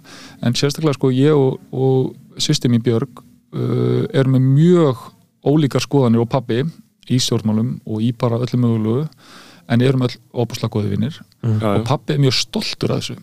Akkurat og hann vil meina að þetta sé til mark sem eitthvað hafi tekist hjá hann í uppeldinu að við séum ekki bara ljósrit af hans skoðunum já, já. og uh, mínar skoðanir á pólitíku og mín skrif hafa aldrei uh, uh, trublað vinasamband mitt við föðu minn mjög lengi. Ég náttúrulega hef bæði sko, skrifað um hans formenn í stjórnmálum Já, já, og verið kannski uh, orðljótur við hans skoðanasískinni í pólitík líka. Mhm. Já, já. þetta finnst honum ekki, hann vill engan dónaskap Nei, skilur, nei. allir að vera ósamála engan dónaskap sem að, og það er bara þú hefur stundar dónaskapin já, ég hef gert það sko. En hérna en við pappi erum alveg óbúslega góðir félagar og hann bara mikill bakjarl minn í lífinu. Og hérna og ég held nefnilega uh, þú getur verið uh, framsnamaður eða miðflokksmaður eða anakisti eða, eða hvað það er. Uh, en ef það er bakvið, á bakvið allar þessar peysur sem þú því í bara hreitn og klár kærleikur og eitthvað óbúslega gott hjarta þá held ég að það mun alltaf skína langmest í gegnum allt, skilur mig. Og alveg sama í hvaða stjórnmálflokk þú ert skráður eða, eða hvernig þú kýst inn í kjörklefa ef það er eitthvað hjart úr gullið þarna þá munir það alltaf á endanum uh, hafa úslita áhrif já, já. Og, hérna, og það held ég að skipti öllu máli með pappa sko. Sko, og stjórnmál almennt, þú varst að tala um, þú varst starfandi blaðmaður, tókstu við Guðun á sín tíma og gerði náttúrulega ímislegt og hefur skandaliserað í allar áttir sem blaðmaður en skrifaði einhver staðar að þú hefðir mist trúna á þessu konsepti, blaðamennskunni Já, sko kannski einhver leiti ég, ég gerði það, kannski er það bara út á óþólumæði hjá mér sko. ég ætlaðist til rosa skjótra niðurstaðna og að hlutinir þegar að þegar staðrindunar uh, væru augljósar þá myndi fólk taka þær til greina og bregðast strax við. Það gerist ekki, skilur mig, af því að fólk nei. heldur bara með stjórnmálflokkum hérna á Íslandi eins og það heldur með fótballtaliðum og því svarað og hlutin er útskýrðir og... Já, og hérna, og það var logið að fólki og svona, þannig að Ríkið þyrlað. Já, ríkinu þyrla og síðan er fólk bara já, en er er þetta það alvarlegt mm Mhm. og er þetta ekki bara miskilingur alveg eins og gerist með Panamarkjölin að sko Mhm. bæði báðir svona helstu þingmennir okkar sem voru í þessu sem eru Mhm. Sigmundur og Bjarni Ben þeir vildu meina að þetta væri óbúslega miskilningur Já. og við værum bara að miskilja gögnin og allt sem væri fyrir framann okkur. Og eins gerist með uppreisnar æru málunum, þetta eru svona þessi tvö stóru mál sem að koma inn þannig að tvisa svona þingrofið meðan ég er að vinna sér já. og ég er að vinna á crazy out 2016-17 Já, og ég er að vinna á blaðinu sem að tekur við Panamaskjólunum og þú veist, við erum hérna bara í miðju uppreisnar æru málunum að fá fullt af gögnum um það, skilur og, og og uppreist æra kemur og þar kemur ljósa það er búið að vera að fela fyrir okkur uppsingar og, og hérna og, uh, og uh, uppreisa æru barnanýðinga og stinga síðan alls konar skýslumundi stóla og gera svona ímislegt sem að kannski manni finnst óheðilegt uh, og, og það, þeir ganga þarna út uh, viðreist og björt framtíð og, og segja að þetta eru vinnubröð sem við viljum ekki gúttera og það er kosið aftur og uh, það eina sem gerist er að sjálfstæðarflokkurinn fær nýja flokka í samstarfið sig. Og í kjölfara á þessu þá upplýði ég svona ok, hvert er mitt hlutverk þá hérna? Af hverju er ég að eyða mínum tíma í það að reyna að koma upplýsingum til fólks upplýsingar sem ég upplifi heiðarlegar vi, bara, og að þær eigi erindi við fólk og fólk eigi að taka þær til greina þegar það tekur ákvarðanir í kjörklefunum þegar fólk séðan algjörlega hunsaðir þú veist, hvers vegna er ég þá ekki bara að eyða tíminum í eitthvað annað sem ég er meira gaman af mm. og það sem ég hafði mest gaman af í blaðamennsku og kannski átti best við mig voru bara pislaskrif og voru hérna uh, eitthvað svona frjálsari form þar sem ég þurfti ekki að vera eins rígbundin í þetta hver, hvar, hvernig, hvers vegna fyrirkomulega Staðarendir staðrendir hérna, þar sem ég get verið meira bara að tala um mína upplifun af því finnst það líka á endanum alltaf heiðarlegra skilur mig, af því að þá er ég bara að segja hvað sé ég, hvað heyri ég, hvernig upplifi ég þetta? Getur ekki logið. Nei, það er ekki, eða þú veist þú getur það náttúrulega. Já, uh, en, en, en þetta er allt saman þá bara filteraði í gegnum mig. Ég er ekki að fá upplýsingar frá okkur um öðrum sem ég sé hann að segja okkur um öðrum að séu já. skilur mig? Og, og hvernig upplifur hvernig upplifur ástand blaðamennskunni í dag? Uh, fjölmila það er náttúrulega gríðald magn af uh, frábærum fjölmiðlum á Íslandi og, og sko fjölmiðlin sem koncept náttúrulega er búin að flæða einhvern veginn inn á þessa samfélagsmiðla og orðin, þetta er orðin miklu grára allt saman og sem er bara frábært. En það sem gerist líka náttúrulega er að sko aðgengi að upplýsingum er að aukast á sama tíma og magna upplýsingum er algjörlega sprungið í andlita okkur og hérna og þessi upplýsinga óreiða náttúrulega öll og, og svona, en á Íslandi eru starfandi fjölmiðlar eins og allamis svo ég nefni svona eh, stundin og kjarnin þar sem að er virkilega verið að reyna að veita stjórnvöldum og valdhöfum aðhald á faglegan og mjög heiðalega hátt. Og sko mjög oft var ég uh, þegar ég var stánandi blaðamæður hjá stundinni komin í mikið kapp með ykkur mál þar sem ég er búin að heyra eitthvað af ykkurum jafnvel sjá ykkur tölvupóst um eitthvað og ég segi, heyrðu, við erum bara að fara fram með þetta við erum bara að skrifa þetta svaka frétt. En innan stundarinnar eru starfandi svo því líkir fag einstaklingar að þau segja, bara, hey, þú veist nú ert þú bara komin á undan sjálfum þess nú þarf þú bara aðeins að setjast niður, við þurfum fleiri gögn við þurfum meiri upplýsingar, þú þarf að hringja hérna síndu, þú þarf að gera þetta hérna. Og það fyrir mig sem eh, hérna, eitthvað svona eitthvað svona hyrfíbl, skiljið mig var bara mjög erfitt, að ég vil bara stökka fram ég vil segja sögur og ég vil bara fá viðbröð strax, skiljur og síðan, síðan vil ég bara kostningar og þær er að bara breyta öllu út frá þessum upplýsingum, þetta var einhvern veginn átt ekki við mig en, en Um, en það sem að, veist, er að gerast á þessum miðlum og, og fólk innan annara miðla að sjálfsögðu líka veist, því líki fagmenn inn á uh, öllum helstum fréttastofum. Uh, mér finnst þetta bara vera mjög jákvæmt, það sem að hins vegar mætti gerast er að stjórnvöld mættu taka meira tillit til þess hversu óbúslega erfitt umhverfi fjölmiðla er á Íslandi með því að styrkja smerri fjölmiðla með hérna, aðeins kannski markvisari hætti. Þannig að þeir, þeir peningar sem fara í þessa fjölmiðla sé ekki allir uh, að skólast kannski á ranganstað einmitt, einmitt. En sko, Panamaskjölin uh, það, var, það var á undan. Það var 2016 stærstu mótmæli Íslandsögunar stærsta mótmæli Íslandsögunar, Mhm. einmitt. Uh, ég meina, hvað, hver er arfleið þeirra í dag? ég, sko málið er Hvað þýðir þetta? ég, ég með Sigmundur væri ennþá yfir framsókn sko. Já, ég held að að því að við sjáum náttúrulega miðflokkurinn stopnaður bara upp úr hans ha- allra harðasta kjarna í framsók sem trúir því ekki að hann hafi gert neitt af sér Mhm. eða trúir því ekki að þetta hafi verið alvarlegt, hvort tvekja bara valið uh, sjónamið, fólk vil vera með þau Mm -hmm. uh, ég held að arleið Panamaskjálna sé í rauninni bara núna búið í heimi sem að, þar sem að hluti fólks er meðvitaður um það að að auðvaldið er stöðugt að reyna að borga minni pening til samneyslunar, ekki bara einn á Íslandi skiljið mig, af því að við upplöðum þetta sem svolítið svona eitthvað íslenskt fyrirbæri, að því þetta var svo stórt hérna líka, að þeir voru svo stórir líkilmenn í íslensku samfélagi sem voru þarna innan ekki bara stjórnmálmenn, þetta líka náttúrulega auðmenn úr útgerðastjéttinni og hérna, þar er fólk bara með menn í fullri vinnu við það að koma peningum úr landi sem ættum við réttu að enda hjá ríkiskattstjóra Mhm. Og hérna og, og, og svona er þetta um allan heim. Já. það er það sem að Panamaskilin sögðu okkur Mhm. skilur, og þetta er ekkit, ekkit sér íslenskt fyrirbæri.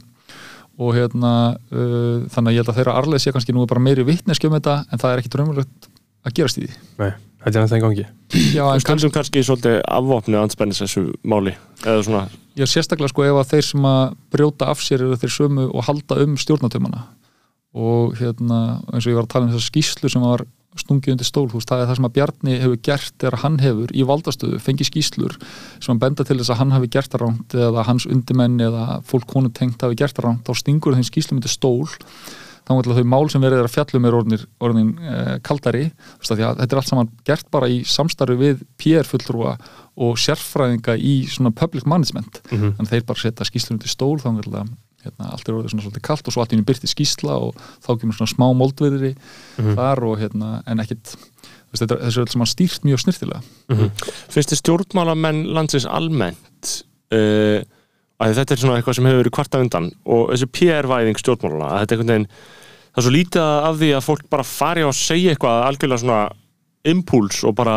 tali með hjartan skilur, Mhm. þetta er einhvern veginn allt svo kalkulegað Já, sko ég uh, hef farið yfir allt rófið í mínum stjórnmálaskoðunum og mátað uh, alls konar hatta og húfur og hérna talið mig í hvert einskipti sem ég seti upp nýja húfu vera búin að finna réttasvarið og það var alltaf rangt í mér. Og hérna það sem ég uh, hef verið að segja núna í nokkur ár er að fulltrúðalýraðið eins og við erum með það sé mjög galla fyrirkomulag uh, og akkur segi það?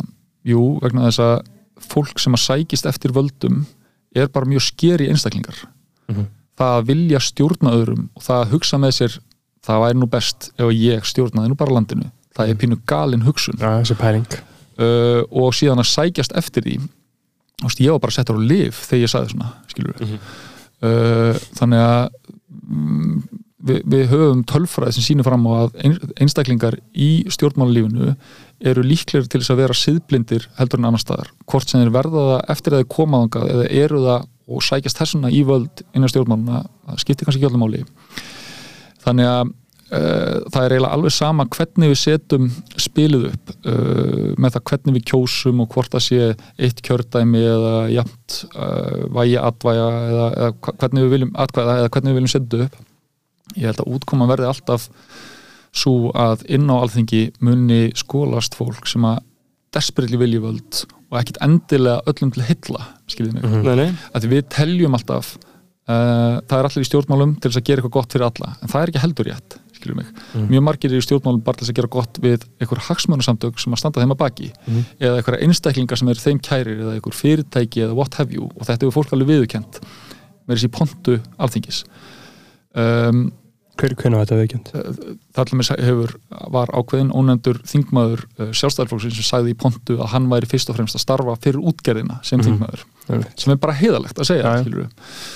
þannig að og við sjáum líka að fólk verður svona complacent bæði þegar það er komið inn á þing og síðan sérstaklega þegar það er komið völd þá er ekki alltaf samræmi millir þeirra orða sem þau sögðu fyrir völd og síðan þeirra gjörða sem gerast í kjölfærið þannig að ég og þetta er svona verða vinsætli skoðun hef ég heyrt segir maður til þess að íta undir Já, mínu já. skoðun maður, maður, maður hefur heyrt mikið meðbyr með þessu í Já, samfélaginu ég meina, Já, já. það er allir að tala um þetta en það er, og þetta hljóma fárunlega en bear with me, það er uh, lottóræði það virkar þannig að við erum með 63 þingmenn segjum að við myndum bara halda því og fjóra ára fresti myndum við draga 63 nöfn sem eru bara 20 ára og eldri úr bara hatti þar sem eru bara allir sem eru með kennitölu í Íslandi og þessi einstaklingar eru okkar alþingismenn í fjögur ár. Þetta var geðvikt ok, Mhm. að, Það er draftaður. það er bara, þú ert bara draftaður og þing þetta er bara eins og einmitt að fara í herin eða Já, fara í kviðdóm eða hvað annað. Ekkert alveg óeðlilegt að hefur opinbera að gera þetta að þeir látið þið bara að gera þetta. Þú veist þú getur borið, þú getur sagt, bara sagt ég geta ekki, skilur en Já. hérna, eða eitthvað, ég veit ekki hvert fyrirkomulagi er því, en þarna væri allavega að fá miklu heiðalegri þverskurð þjóðarinnar, heldur en annars. Það er ólíklegra að þú fáir uh, eitthvað svona hagsmuna hunda einhverja uh, auðvaldsabla eða einhverja abla í samfélaginu sem að vilja eitthvað annarlegt eða er að, er að skara elda sinni köku sérstaklega og þú ert að fá ekki inn einhverja stjórnmálflokka þegar stjórnmálflokkar eru svo fokkin skeri í dæmi mm -hmm. því að þeir eru bara svona breeding ground fyrir svona bunkermentalitet allir stjórnmálflokkar skiljum mm -hmm. bunkermentalitet, fóringjadýrkun uh, það að fólk tréni í ákveðinu skoðunum jafnvel þó að þær skoðunum séu algjörlega úrsýkjengnar þú ert bara með 63 fokking einstaklinga sem bara mæta inn á alþingi og þeir þurfa bara að finna út úr þessu. Já, já, myndi, síðan, síðan getur við verið með sko uh, sko batteri í kringum þetta sem kendi þeim bara á formatið, bara eins og er gert fyrir nýja þingmenn, þeim er bara kent hvernig á að vera þingmaður, Já, þú ert bara tekin bara, jæja, tralli hérna, takt í höndinu mér svona gerist maður þingmaður. Já, og hérna og það- skrifandi hér og hér fara bindi eða eitthvað emmitt, þú verður að vera í skóm hérna, og smám saman er fólki kent hvernig það vera þingmaður og þannig gæ- gætum við tekið fólk sem að uh, myndi starfa þarna inni Mhm. í fjögur ár og þú ert aldrei að vinna uh, þannig verk inn á þingi að þú sitt að hugsa um næstu nei. heldur eftir bara, ok, ég hef bara fjögur ár. Hvað get, hvað get ég gert? Já, hvað get ég gert til þess að láta hvað gerast skilur, ok, bara svona suicide bomber mentality skilur, þú veist, þú þetta- bara hjólar í verkið já, þú skilur. bara gerir þetta skilur, Já. e eða bara eins og hérna en myndin, hver ætli séu rökin gegn þessu, Hva, hvað myndi einhver, kannski fjör ára á stuttu tími Nei, það er bara fullkomið, af því að síðan þú ert mikið lengur heldur en það, af því að þessi gamli frasi, hérna, völd spilla og algjör völd gjör spilla ég held að sé alveg sannur, af því ég em, hef alveg séð í gegnum tíðin að fólk farin á þing fullt af uh, bara good intentions og, og bara heiðarleika og kærleika Já. og svo bara svona koðnar eitthvað niður dragast hún í svampið Já, og allt í nú ertu bara Já. komið með góð laun og ágætis mötuneytið þarna og, og hinn er kallarnir bílastæðinir í miðbæ Já, eina átök, koma endalaus átök bara átök, langir fundir og þú ert illa sofin Mhm. og, og hvernig fólk líka bara endur taka það sama og aftur og aftur Mhm. og svona rök sem þú ert búin að dæma ógild í höfðinu þínu Já. þú þarfst að heyra þau aftur og aftur og þið finnst þau Mhm. alltaf jafn heimskuleg nefndarfundir og, og síðan líka fyrir að sjá personundar í hinnuliðinu sem miklu meiri manneskur já, nákvæmlega. Sem er alltaf frábært en það getur kannski erfiðara fyrir að berjast gegn óréttlætinu sem að þær eru að reyna að koma á. Já, og upplifa það. Uh, þannig að ég þú veist, ég hef alveg hyrt einhver rök gegn þessu að þarna myndi skólast inn algjörlega óhæfir einstaklingar, það er alveg satt en það eru líka óhæfir einstaklingar á þingi núna Já, já. skiljum mig, sem að eiga ekki bara- erindangað bara einhver ráð þeirra að fá bara já, ég ætla nú að fara Tjekka á þessu. Já, þetta er bara mjög spennandi. já, ég var að vera hef- ráðherra í þessu málaflokki og þetta er bara alveg mjög fyndið Já, dæmi. ég, ég hef alltaf haft áhuga á náttúru. Já. Og bara- elski ekki allir náttúru. Og fuglarnir maður. Og það eru og, og mentun, hver er á móti mentun? Já. Ég ég ætla að tjekka á þessu. Ég elska ég, Lott og Já. ræði, já, þetta er góð pæling. Ég fíla þetta mjög mikið. Ég held nefnilega sko að því að Sumarskóli, fyrir, þrý mánuð nákvæmlega, svo bara tekur þú fjögur ár. Síðan er þú bara búinn. Og Já. þetta á bara þessi fjögur ár og þú færð skilur Já. 900.000 á mánuði. Eða 800.000 Já, Bara- bara serve your country. Já, bara, þú bara þjóna þínu hlutverki og síðan er því bara lokið og þú bara heldur áfram með lífið Já. mig. Ég veit ekki akkur þetta er ekki einu sinni rætt Málið er sko, þetta er grínlaust að koma upp svolítið núna Já. Veist, ég, mér dætti ekki í fyrir nokkrum árum síðan fór ég að googla Já. og svona komst að því að það er alls konar málsmetandi menn Já, eins og ég, ég, ég hef séð þetta Ef ég sé Er nokkuð það? tik- einhver TikTok myndband Ok. svona, í svipuðu dæmi en ég hef ekki sett mig inn í Ég þetta er nefnilega bara að followa Engil Bjartur á TikTok Já. það er einu sem ég er að followa sko, þannig ég hef ekki séð Þa, þetta það, það, Það er kapli, kóngurinn. það er kapli í bókinni, skilur höfuð honum eða ekki Jú. Jú, en síðan kom hann ekkert við sögu í kapli nei, nei, þetta er bara svo fallegt nafn. Já, Já. þetta er ekki ekki, Já. ég var með hann í bekki mennskóla sko. Í alvörunni? Ég- já, Já. ég- Fyrir mér hétt hann alltaf Guðmundur en heitir nú Engill. Já. Já, hér, Hann breytti nafninu í Engill. Vá, Já. hann er náttúrulega skáld. Guðmundur Bjartur, já, Já, já. hann er ska- stórskáld Já, já, rappari Eh, og margt margt fleira. rappari og, og, og með, með, margt, með Margt, meir margt fleira. já, Já, Engill, Guð, Engill. Fjöldamorðingi fjöldamorgi, Já, einmitt. Einmitt. uh, heyrðu það er ímislegt sem við uh, að þú erum líka að tala um fjölmennina og, og, og svo veist, þú talar þetta er bara Arnald í bókinniðinni Mhm. og Guðmundur, Guðmundur Hefur Arnaldur heyrt af þessu? Hefur heyrt eitthvað from his camp? Eða? með, sko, ég, mér langaði svo mikið ég, mér langaði mjög mikið að fá kvót frá Arnaldi um þetta ég Mhm. bara hef ekki komist í aðstæður til að fá kvótið einmitt Nei, ég hef eh, ekki hýrt neitt sko af honum sjálfum en hins vegar frétti að því um, mér og, og útgefandi minn ákvað þegar þessi bók var að fara að koma út að við myndum ekki deila neinu um hana fyrir hún væri komin í búðir. Og eh, sem er pínu ofinlegt að því yfirleitt veist, um leið og fólk er komið með kápuna þá er strax farið að setja á samfélagsmiðla hei, kápan er hérna tilbúin þessi er væntanlega Mhm. mm. og síðan þegar hérna, a- allt er komið sama þá deilir fólk og síðan þessi var að koma úr prentun hún verður á, komin í búðir, eitthvað svona kjátaði það var ekkit svoleiðis, það var bara um leiðum að komin í búðir þá deildu við en uh, hún kom sér sett út á okkur rafrænum bækling íslenska bókaútgefanda nokkrum dögum áður og þá frétti ég því að þegar það gerðist þá var haldin krísufundur í forlæginu sem gefur Arnald út þar sem hann verið að ræða hugsanlega viðbrögð við þessari bók og hvað hérna, því að hann er náttúrulega þeirra cash cow Já, já. þeirra aðal Bara keeps the fucking lights já, on sko. í alvörinni sko Mhm. og hérna, þannig að þegar það verið að veitast að honum okkur hátt þá þarf Já. að halda krísufund. Já, já, já. og hérna, ég veit ekki nákvæmlega hvað fór fram á þessum fundi nema að uh, þannig er verið að ræða hugsanlega viðbröð og hvað eigi að gera. Og það sem ég sýnist hafa verið ákveðið er að segja ekki neitt, ræðast ekkit við. En þess að ég hugsa forlagi viti alveg um leið og þau fara að segja eitthvað að vera með eitthvað vesen eða eitthvað kærur eða eitthvað stæla uh, þá er það bara að fara að selja fleiri bækur. Það vilja þau alls ekki skilur, það er það allra síðasta sem þau vilja. Já. Hvað Arnold sjálfan varðar sko, þú veist, málið er Þú veist, Arnaldur hefur aldrei mér að vitandi gert neitt af sér hann Nei. er bara mjög kurteis Toppnáðingi geðvekkur toppnáungi Yndislegu gaur, ég talaði við hann. já, sem sækist ekki sviðsljósið þú veist, hann, hann, hann kemur eiginlega aldrei viðtöl hatar skilur. viðtöl. Já, já, bara einhver king nördi já, og bara sagfræðingur og bara svona einhver persóna sem ég held að ef ég myndi kynast honum þá eru þau bara góði og félagar hann er líka sko, þú veist, að að það er stundum, það stundum trikk hjá fólki að fara ekki viðtöl, Mhm. þú veist, það er ekki honum. Veist, ég, ég tók viðtal og hann er bara eitthvað, please, bara, getur haft það stutt bara ekki taka viðtalum en málið er hann líka þarf þess ekki. Af því að það skiptir engum máli hvað fyrir. mörg viðtöluð ekki hann er alltaf að fara að selja vörubretti hann er ekki eins og öll hinn gerpin sem eru endalust að pluggast það, í svakalett plugg. podcastum Já. á Facebook að rífast við aðra jú, jú. en málið, þetta er bara drullu svaðið sem að sumir okkar þurfa að fara í ég er mikla samúð með því átt að með á þeirri stöðu. Þú veist, málið er, ég er mjög gaman að skrifa bækur. Mér finnst algjörlega óbærlegt að gefa þér út og þurfa að fylgja þeim eftir. Það er ekki mín hugmyndum skemmtum það að sitja heima hjá mér og skrifa einhverjar ógeðslegar sögur eins og þar það, ég er mjög gaman að því sko. Já. Já. og svo finnst þið mjög gaman að koma í góð podcast, vöndu bara, podcast líka. þetta er, ég sagði það sko áður en við byrjum þetta er nú þegar besta podcast eða bara besta viðtal sem ég farið í sko. En ég held að sko, uh, ég held að Arnaldur að því vorum að tala um hann hann ætti alveg annars vegar að geta sko, lesið þessa bók og haft gaman að henni og líka séð að það er engin illvild í hans skarð Já, nei, nei, sko.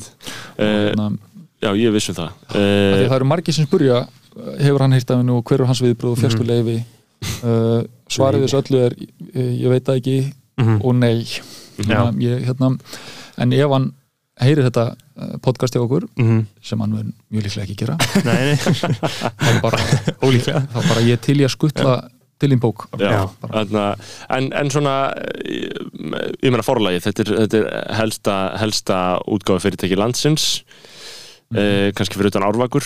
Mhm. eh, eh, sko þetta er meina, Hversu stórt batteri er þetta? Hvað er margir starfsmenn? ef maður tala um, maður tala um bókmenta elituna þá er svona forlagið þannig einhvers staðar í miðunni Mhm. eh, ef það er einhvers konar bókmenta elita Ert þú utangars í því öllu? sko það sem að maður upplifur mjög fljótt eftir að maður fer að gefa út bækur á Íslandi er að þetta er mjög lítill heimur Já, alveg óbúslega lítill heimur og hérna uh, ég er á vinni innan allra forlagana í stjett rithöfunda. Og það sem ég upplifði líka er uh, að íslenski rithöfundar upp til hópa eru mjög hlýlegt og gott fólk sem tekur nýjum rithöfundum bara opnum örmum og er bara til í að heyra nýja rattir og pröfa nýja hluti og finnst bara gaman að það sé fólk að skrifa.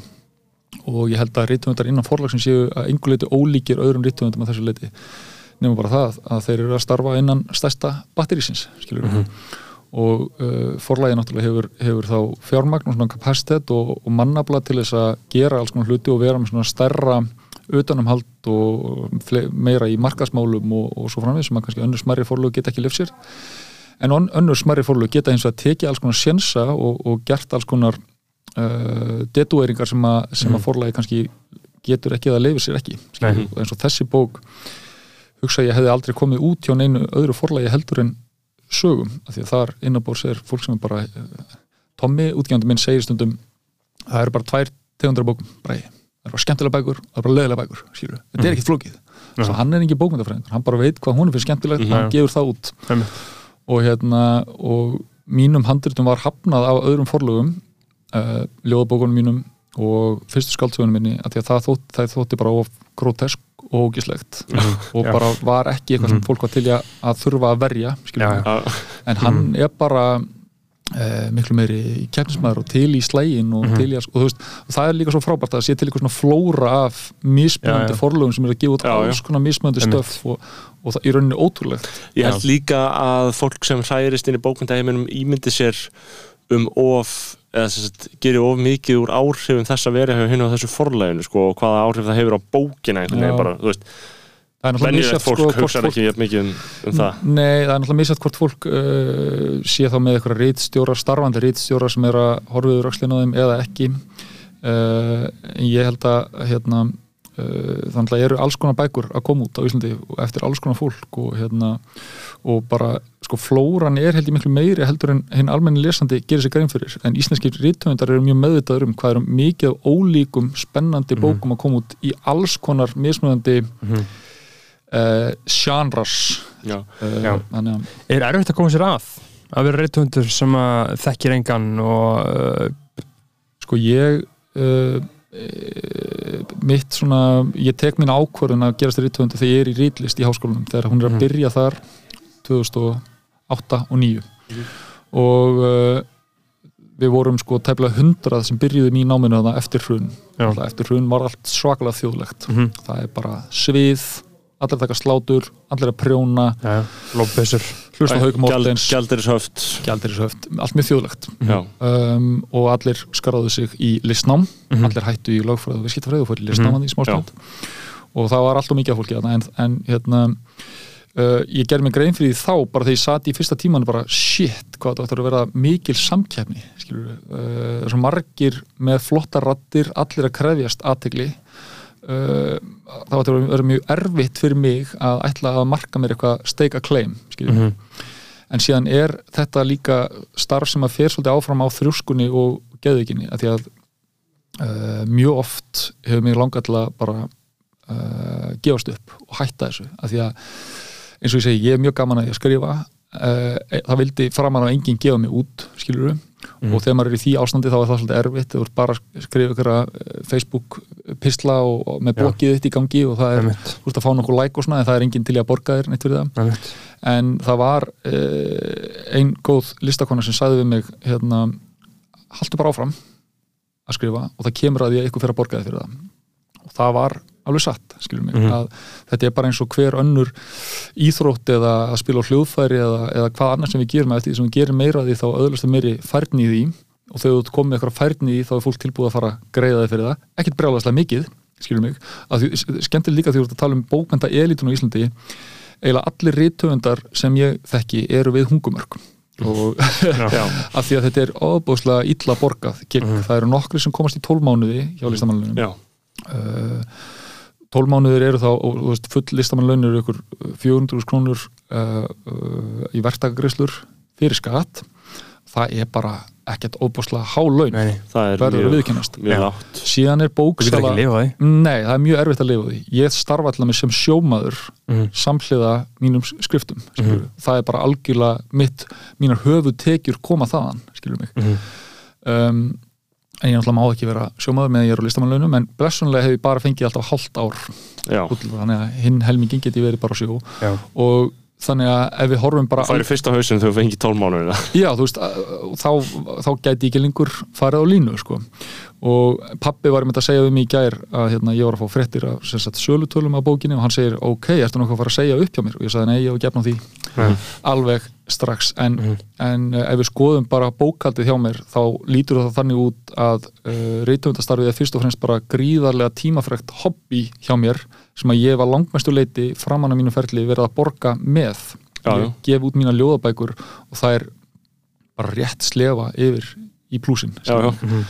Eftir óbúslega mikla promoteringu og, og vinnu skilur og hérna þannig að ég þú veist, mæli ekki með þessu við neitt sem að hefur ykkur aspirasjónir að verða ríkur af því þetta, það er ekki það sem þetta skilar Sjórin, hvernig, hvernig er sjórin? Hvernig er það að sækja sjórin? uh, það er bara um margt algjör forréttindi sko en uh, ég ætla Gæti ég farið? að geta allir farið á sjó Er ég ekki um mikið auðmingi? Nei, veistu uh, ég held að þetta sé uh, eitthvað miskilningur að sjómenn verði að vera hérna, með akkiris tattúið og, hérna, og allskegg áður en þeir fara. Ég var reynda til að fara að sjó í eitt, eitt sumar og fá mig þá strax akkur í statuð Já, ég, eitt besti vinnu minn ég, Ég er á bátnum ég plataði hann með mér á, á uh, línu uh, 2007 hann hafði þá bara unnið í landi en pappa hans hafði verið uh, fraktmaður eða sem sagt unnið á svona flutningaskipum uh, allar tíð hann kemur með mér á sjó og hafði svona þrifist illa sko, í landi í störfum þar. Og það var strax bara fyrsta túrin var bara já ok, ég er bara fættur til að vera sjómaður. Já, þetta, þetta er besta sem ég nokkuð til maður fokkin gert og ég held að það verið svona hálfu mánuði setna þá var hann komið með akkirið Gæðveitt og hérna hann er bara búin að vera á sjó síðan. Já. og bara fann sig algjörlega þarna og er bara, Og maður lifi vel? Já uh, sko þetta, þetta hendar alls ekki öllum. Nei. og hérna, Hvernig, hvernig eru túrunir? Sko ég er náttúrulega á trillu með pappa mínum, ég er ekki á stórum tógurum eða þó ég Hvað, hafi hvað því ég trilla? prófa það, það er hinn svo kalluðu smábátar, það eru bátar sem eru svona 15 metrar og niður og við erum bara tveir ég og pappi Gistið ekki á hann? uh, við leggjum okkur kannski Já. en þetta eru þá yfirleitt bátar sem fara út uh, á nætunar og eru að koma heim á kvöldin Mm. Og eru svona mjög lokalæst þú veist ekki að flakka um Og bara troll þorsk og, eða já, þorsk og ísu langmest Mhm. Ok. og hérna, þetta er náttúrulega sá fiskur sem veiðist á línu strákar, eins og þið viti náttúrulega er langbesti matfiskurinn, skilur, hann er strax komin í kælingu hann er strax Já. komin í sölu sama dag og hann er vittur Fiskur Já. dagsins já, þetta er línufiskurinn er sko sá matfiskur sem Íslandika sækja, held ég Mhm. hvað mest í og hérna, hann er ekki eins og netafiskur sem búið að vera kuldrast í netunum og hafsbotni lengi og einhvern veginn kannski drepast í netinu Mhm. hann bara býtur á öngul er veittur nokkrum tímum setna Já. upp er lifandi allan tíman á önglinum yfirleitt þannig að og, og sko, þú veist þetta kerfi, þarna, þú veist smábátakerfið, mm, það er náttúrulega allt annur veröld en, en stóru tóriðnir, kótin og svo framvegis eða ekki Já, þetta er náttúrulega tvö ólík kvotakerfi sko. Já. uh, en þetta eru líka svolítið tvær ólíka típur sem að sækja í þetta sko. pappi er svona uh, kúreki uh, hann er sko fættur í Borganesi þar sem að er náttúrulega engin útgerð og eiginlega ekki einu svona höfn lengur Mhm. uh, en hann uh, uh, langafans og, og langama eða sem sagt afans og amma segi og langafi minn og langama þau uh, voru bæði fætt í breðafyrði og á eigunum í breðafyrði á Sellátri og í Hörskusei og, hérna, og hann svona smitast svolítið af langafa mínum sem var vitavörður í Elliði uh, og amma mín fæðist út í Elliði og breðafyrði sem er uh, að mínum að þið fallegast eigin breðafyrði og hérna, eigin sem að Björk ætlaði að kaupa hérna 96 og hérna, já. Uh, þannig að hann smitast svona að þessu þar og, og hann hillast af því lífi sem að langaði minn lífið sem var það að vera kúreki, þú ert bara á þínum bát, það er engin yfirmaður sem er að segja hvert þú átt að fara, hvar þú mátt veiða hvað þú mátt ekki gera, þú bara ferð í land þegar þú vilt þú veiði þegar þú vilt, þú stjórnaðir algjörlega sjálfur. Og uh, ég get alveg 100% skilið þetta og, og hef sjálfur uh, mjög mikið heillast af uh, sko, siglingar aspektinu á þessu, enda á ég uh, skútu í Hafnafriði og hérna sem ég sildi til Íslands frá Ítalíu árið 2019 og ætlaði að fara út í mikinn túrisma á henni og síðan bara gerist eitthvað sem var þess valdandi að það lengi túristar. Einmitt. Jú, sviðbjöðum maður en sko þannig að siglingar hlutin og það að vera út á opnu hafi og fylgjast með sólinni koma upp og, og lýsa heiminin og setjast niður og það eru kvalir að fýblast í kringu þig og, og þú ert með eins og sérstaklega breyðafrið það sem þú ert með, þú sérð allan fjörðin þú sérð Látrabjarg og þú sérð Snæfisjökul og þú getur séð allan fjörðin í kringu þig uh, þú veist, það er bara eitthvað matsik í þessu sem að hérna, ekkit annað starf sem ég verið í matsar Nei. en svo er, ertu náttúrulega allan tíman að veiða fisk og þú ert að drepa fiskinn Mhm. og það er að slettast framan í þig slór og gall og skítur og síðan þegar fiskurinn er að ganga þá eru kallhængarnir stappfullir af brundi og þegar þeir koma upp þá er þrýstingsmunur niður við hafsbótn og uppi þannig að þeir algjörlega spraut brunda út um allt og framan í þig og þetta fyrir onni hálsmáliðaður og svona. Barast Vá. og þegar ég er átt ára og ég fyrir fyrst á sjó með pappa hann ætlaði sko að gera með sjómanni það var hans stóri drömmur ég er aðunmaður í Körbólta og sjómaður.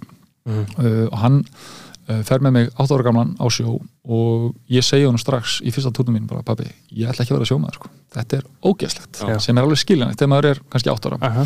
og þetta hef ég haldið mig við sko en einhver hluta vegna gerðist það óvart að ég hef að langstæstum hluta í minni æfi starfað sem sjómaður þó ég hef gert ímislegt annað unnið á sambílum og leikskólum og sem blaðamaður og, og klasabatn og svona allt mögulegt en, en þetta er svona það sem ég hef alltaf komið að aftur og það er bæði bara því að pappi var alltaf verið með útgerð og uh, sjómennskar er svona, mjög svona seasonal þú veist, það er verið að fara á grásleppu og það er verið að fara á skak og það er verið að fara á makríl og síðan er verið að fara á línu þannig að maður getur alltaf svona stokkið inn í ykkur það er alltaf eitthvað að gerast mm -hmm. og uh, eins og segi, þetta er smá önnur veröld en, en, en stórútgerðnar en, en Mhm. frustrerar það þig allt saman? Kvótakerfið og svona samherja, ertu brjála út í samherja? Nei, ég er sko mjög lítið brjálaður út í neitt nema eiginlega kannski bara útlíkastofnun sko, sem ég finnst vera svolítið mislukka batteri en uh, við sko Ísland, við náttúrulega værum ekki hérna nema fyrir fiskinn. Uh, af því að hérna hann er það sem að uh, hefur haldið lífið, þú veist, af því að fólk er svolítið að ofmeta rolluna finnst mér, hún er frábær, ekki miskilum mig skilur við, hún er alveg dásanleg Hún er ekki arðbær. Uh, hún er ekki eins arbær það þarf ekki að borga uh, með fisknum eins mikið. Þannig að ég held að við, við Íslandingar hefðum svolítið gott að því að endurhugsa hvernig við lítum á íslenskan sjárótug uh, ef við myndum til dæmis uh, skoða og horfa á uh, auðlindina sem fiskurinn er meira eins og til dæmis norðmenn horfa á ólíuna sem endurlítalega auðlind þó ólíðan sé það náttúrulega ekki en sem bara auðlind sem við getum gengið í og búið til óbúðslega peningur sem gæti verið öllum til heilla. En uh, er það einhver leiti en kannski ekki eins miklu marki hún gæti verið af því að stór hluti af þeim pening sem að kemur upp úr sjónum við Ísland fer beint ofan í vasan á nokkrum fjölskyldum Já. sem að eiga nánast allan kvotan í stóra kjærunum Mhm. og ég held að fólk þurfi kannski svolítið bara að spyrja sig að því hvort að það sé sangjant og hvort það sé eðlilegt og hvort að þetta fólk þurfi virkilega svona óbúslega mikið penning, hvort þau getur hugsanlega uh, látið þetta ganga hjá sér með aðeins minni penning og hvort að við hinn mættum fá smá brauðmúla hjá þeim. Já, þetta væri svona mið Já, þú veist, e- þetta er bara eitthvað til að spyrja sig skilur, ef þú sérstaklega leggur uh, alla þessa milljarða á borðið og skoðar hvert er sé að fara og ef við virkilega upplifum sem svo að íslenski fiskurinn sé þjóðareign skilur, af því að það er ekki allir heldur saman um það Nei, nei. það er alltaf leið en ef við upp, ákveðum að upplifa að hann sé þjóðareign Já. þessi fiskur sem er í kringum sjó, sjóun okkar í sjónum okkar uh, þá þurfum við að spyrja okkur hvort við séum að fá sangjarnan hluta af þessari þjóðareign Mhm. Það er líka, þú veist, að því að uh, þú getur alveg litið sem svo á að þeir einstaklingar sem að eiga allan hennar kvota hafi orðið sér út um hann með lögulegum hætti. Það er líka satt, skilur mig. Já, já, og, og það kvóta, staðal enginn einu beint. Nei. Það gerist þetta bara, þetta bara var komið hérna á kerfi sem var nöðsynlegt, sem er þetta kvótakerfi. Og það hefur gert það að verkum að við geta haldið áfram að nýta þessu auðlind á ábyrgan hátt. Uh, að því veist, við vorum pínu að stefni að klára fiskin Já, það, það er mjög létt að ofveiða stofnum Já. bara að alveg því að íslenskir sjómenn og skipstjórar eru opaslega kappsamir einstaklingar sem vilja vi- veiða sem allra allra mest sem er alveg skiljanlegt og sama tíma og kvotakjörnir komið á þá er búið að vera ofbóðslegt framstök í þróun báta kæli aðferða, veiðitækni uh, tækin sem við notum til að horfa ofan í sjóin og fylgjast með því hvernig fiskurinn er að reyfa sig og hvernig hann er að heiða sér. Veist, þannig að fiskurinn átti ekki einmitt. ekki nema við gæfum honum sjens og sá sjens heitir kvotakerfið en það að, heimildir séu framseljanlegar og fólk geti sapnað kvótanum að fáar hendur uh, er ekki nógu gott og, og það er svolítið já, þú veist, það gerir það bara verkum alveg eins og allir sem hafa að spila Monopoly vita. Þú veist, það endar þá bara einn með allan peningin skilurðu. og hérna og alltilega fólk vill að það sé þannig skilur já, já. en kannski eru sumir sem vilja það ekki og þá þarf að góða ykkur aðferði til að fara ég har ráttir Ummitt, ummitt, en þarna uh, útlendingastofnun. Þarna Hvað er svo gott? Það er svo gott að spyrja bara, já, já, bara í. Jæja. Ég meina, eh, ég, ég, ég er búin að tala mikið fyrir Ísland 2050 eh, verðum einna 10 miljóna þjóð Mm. mm. lestakjörfi, bara Mhm. veistla á eilstöðum, veistla á Akureyri, veistla á Ísafverði Já. veistla í Reykjavík, fjölmenning Já. mismandi matur, Mhm. mismandi fólk stemming, Einmitt. tónlist Já. líf, stuð, fjör þetta hljómar eins og þú veist, bara fallegu draumur sko. já, ég meina hvað þarf að gerast? Uh, af hverju uh, þú hefur aðeins hugsað um útlendingastofnun Já. og hvað er að frétta hana um, af hverju er þetta svona ógslegt ég held að þetta sé kannski bara við sem ennþá búum við svolítið gamalt kerfi sem að fólk sem að uh, hafði aðra heimsýn heldur en við uh, kom á Einmitt. og nú er ég alltaf að setja mig inn í sko ykkar, ég er alltaf að tala um okkar kynnslóð mm mig, en þeir, hvaða mótel eru þið? 95 Í 95, Já, í 97 einmitt, það eru sko 11 og 12 ára á millokar Mhm. 13 ár fyrir Já. ekki en, en ég ætla bara að tala um okkur sem einu kynnslóð ég upplifði mig það sem unga mann Mhm. um, ég held að sko útlendingastofnun hér náttúrulega upprunnulega útlendinga eftirlitið var komið á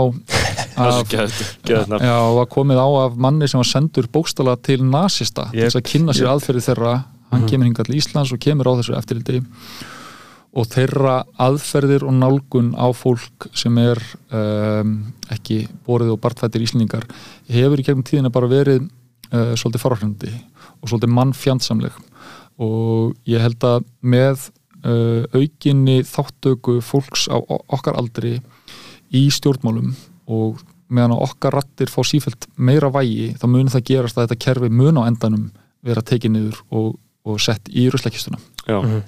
að því að þú, þú veist, þú getur ekki haldið áfram, að því að ég er ekki bara að tala um hælisleitundur og flótafólk, heldur er þessi stopnun líka að koma mjög aggressíft fram við fólk sem bara vill flytinga og vinna hérna, Já. fólk sem búið að ná sér í sko mentun uh, annar staðar í heiminum þar sem að eitthvað, eitthvað annað þjóðríki þurft að borga fyrir þeirra mentun, það er að koma hingað með þessa Með mentun og þessa þekkingu og er tilbúið að taka þátt í okkar samfélagi og við komum fram með þau eins og dónar. Mhm. og, þú veist, og þetta, er, þetta eru þeir sem er að reyna að komingað með innan gæslega löglegum leiðum. Um, þannig ég hugsa þegar framlýðastundir eftir einmitt 15-20 ár þegar, mm Mhm. þegar útlendingastofnun verður bara hlægileg og svolítið sorgleg minning þá munum við uh, líta tilbaka og, og hugsa hvað var í gangi mm Mhm. hvers vegna létu við svona við þurfum líka að skoða það að það magn flótafólks og hælsenda sem er að reyna að komast inn til Európa á hverju einasta ári er peanuts með bara þann hluta fólk sem er að flytja þangað löglega á hverju einasta ári Mhm. við erum að tala um þetta eru einhverju tugir þúsunda einstaklingar sem er að reyna Já. að flytja inn í álfu þar sem búa hundruð miljóna ok, þá spyrir maður sig hvaðan er þetta fólk að koma? Jú, það er að koma frá löndum þar sem að yfirleitt er múslimatrú ráðandi eða fólk er af öðru litarhafti heldur en hvítu. Mm. þá spyrir maður sig hverjir ráða uh, móttökunum? Það eru stjórnmálumenn og hverjir er- eru yfirleitt að kjósa þessar stjórnmálumenn það eru eldri rasistar af því að eldra fólk náttúrulega er mun duglegra að sækja kjörstaði heldur en ungt fólk Mhm. og þar alveg þetta kýsta heldur fólk sem er uh, að halda á lofti uh, útlendingahatri og, og bara ótta af því þetta er bara ótti Þetta er ótti sko. Uh, ótti, hann er yfirleitt yfirleitt byggður á svona freka miklu bulli, ímdaði mér. Já, og bara sko ránkvömyndum en málega þetta er líka innbyggt í okkur. Við ræðumst það sem við þekkjum ekki. Já, ég er að hugsa um sko, þú veist að því að það lítur að vera ástæði fyrir þetta sé ennþá svona við erum, hinn almenni Íslendingur vill líklega ekki leggja niður útlendingastofnin eða svona hljómar Hinn almenni drastískt. Íslendingur, bróðupartur Íslendinga vill taka á móti fleiri útlendingum. Já, og vill hérna að við tökum betur á móti því fólki sem vill hinga flytja.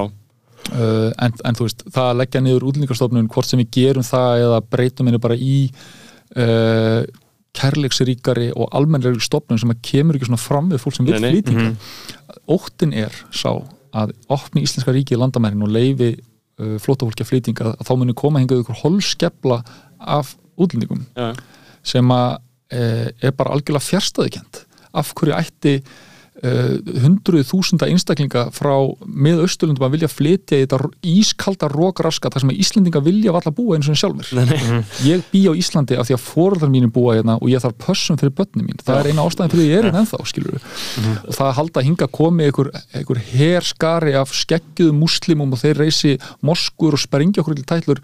Þetta er bara ekki byggt á nefnum rökum þetta er bara byggt á ótta Já, og þekkingaleysi en, en ég, eins og ég segi, ég myndi styðja Ísland 2050 pælingunum spærþós um 10 miljónir og bara þetta er svo spikfeit pæling sko. og opna, opna landamæri ef við gætum tryggt uh, tungumálið í einhvern veginn festæði sessi auðvitað að verður það ekki eitthvað sem einhverjir sagfræðingar og íslensku fræðingar og fræðimenn verða pæli en almenningur er ekki að fara að tala íslensku. Þú ert ekki að fara að fá tíu miljonir mannsina og Hverjum þessi er öll að fara að ekki- tala íslensku. Já, þess, þess vegna myndi ég ekki fokki þessu. Þess vegna myndi ég segja bara nei. En- ef við missum tungumál ekki við að getum, myndi við getum bjarga þetta. sem sagt hundruðum þúsund mannslífa en hvað með íslenskuna?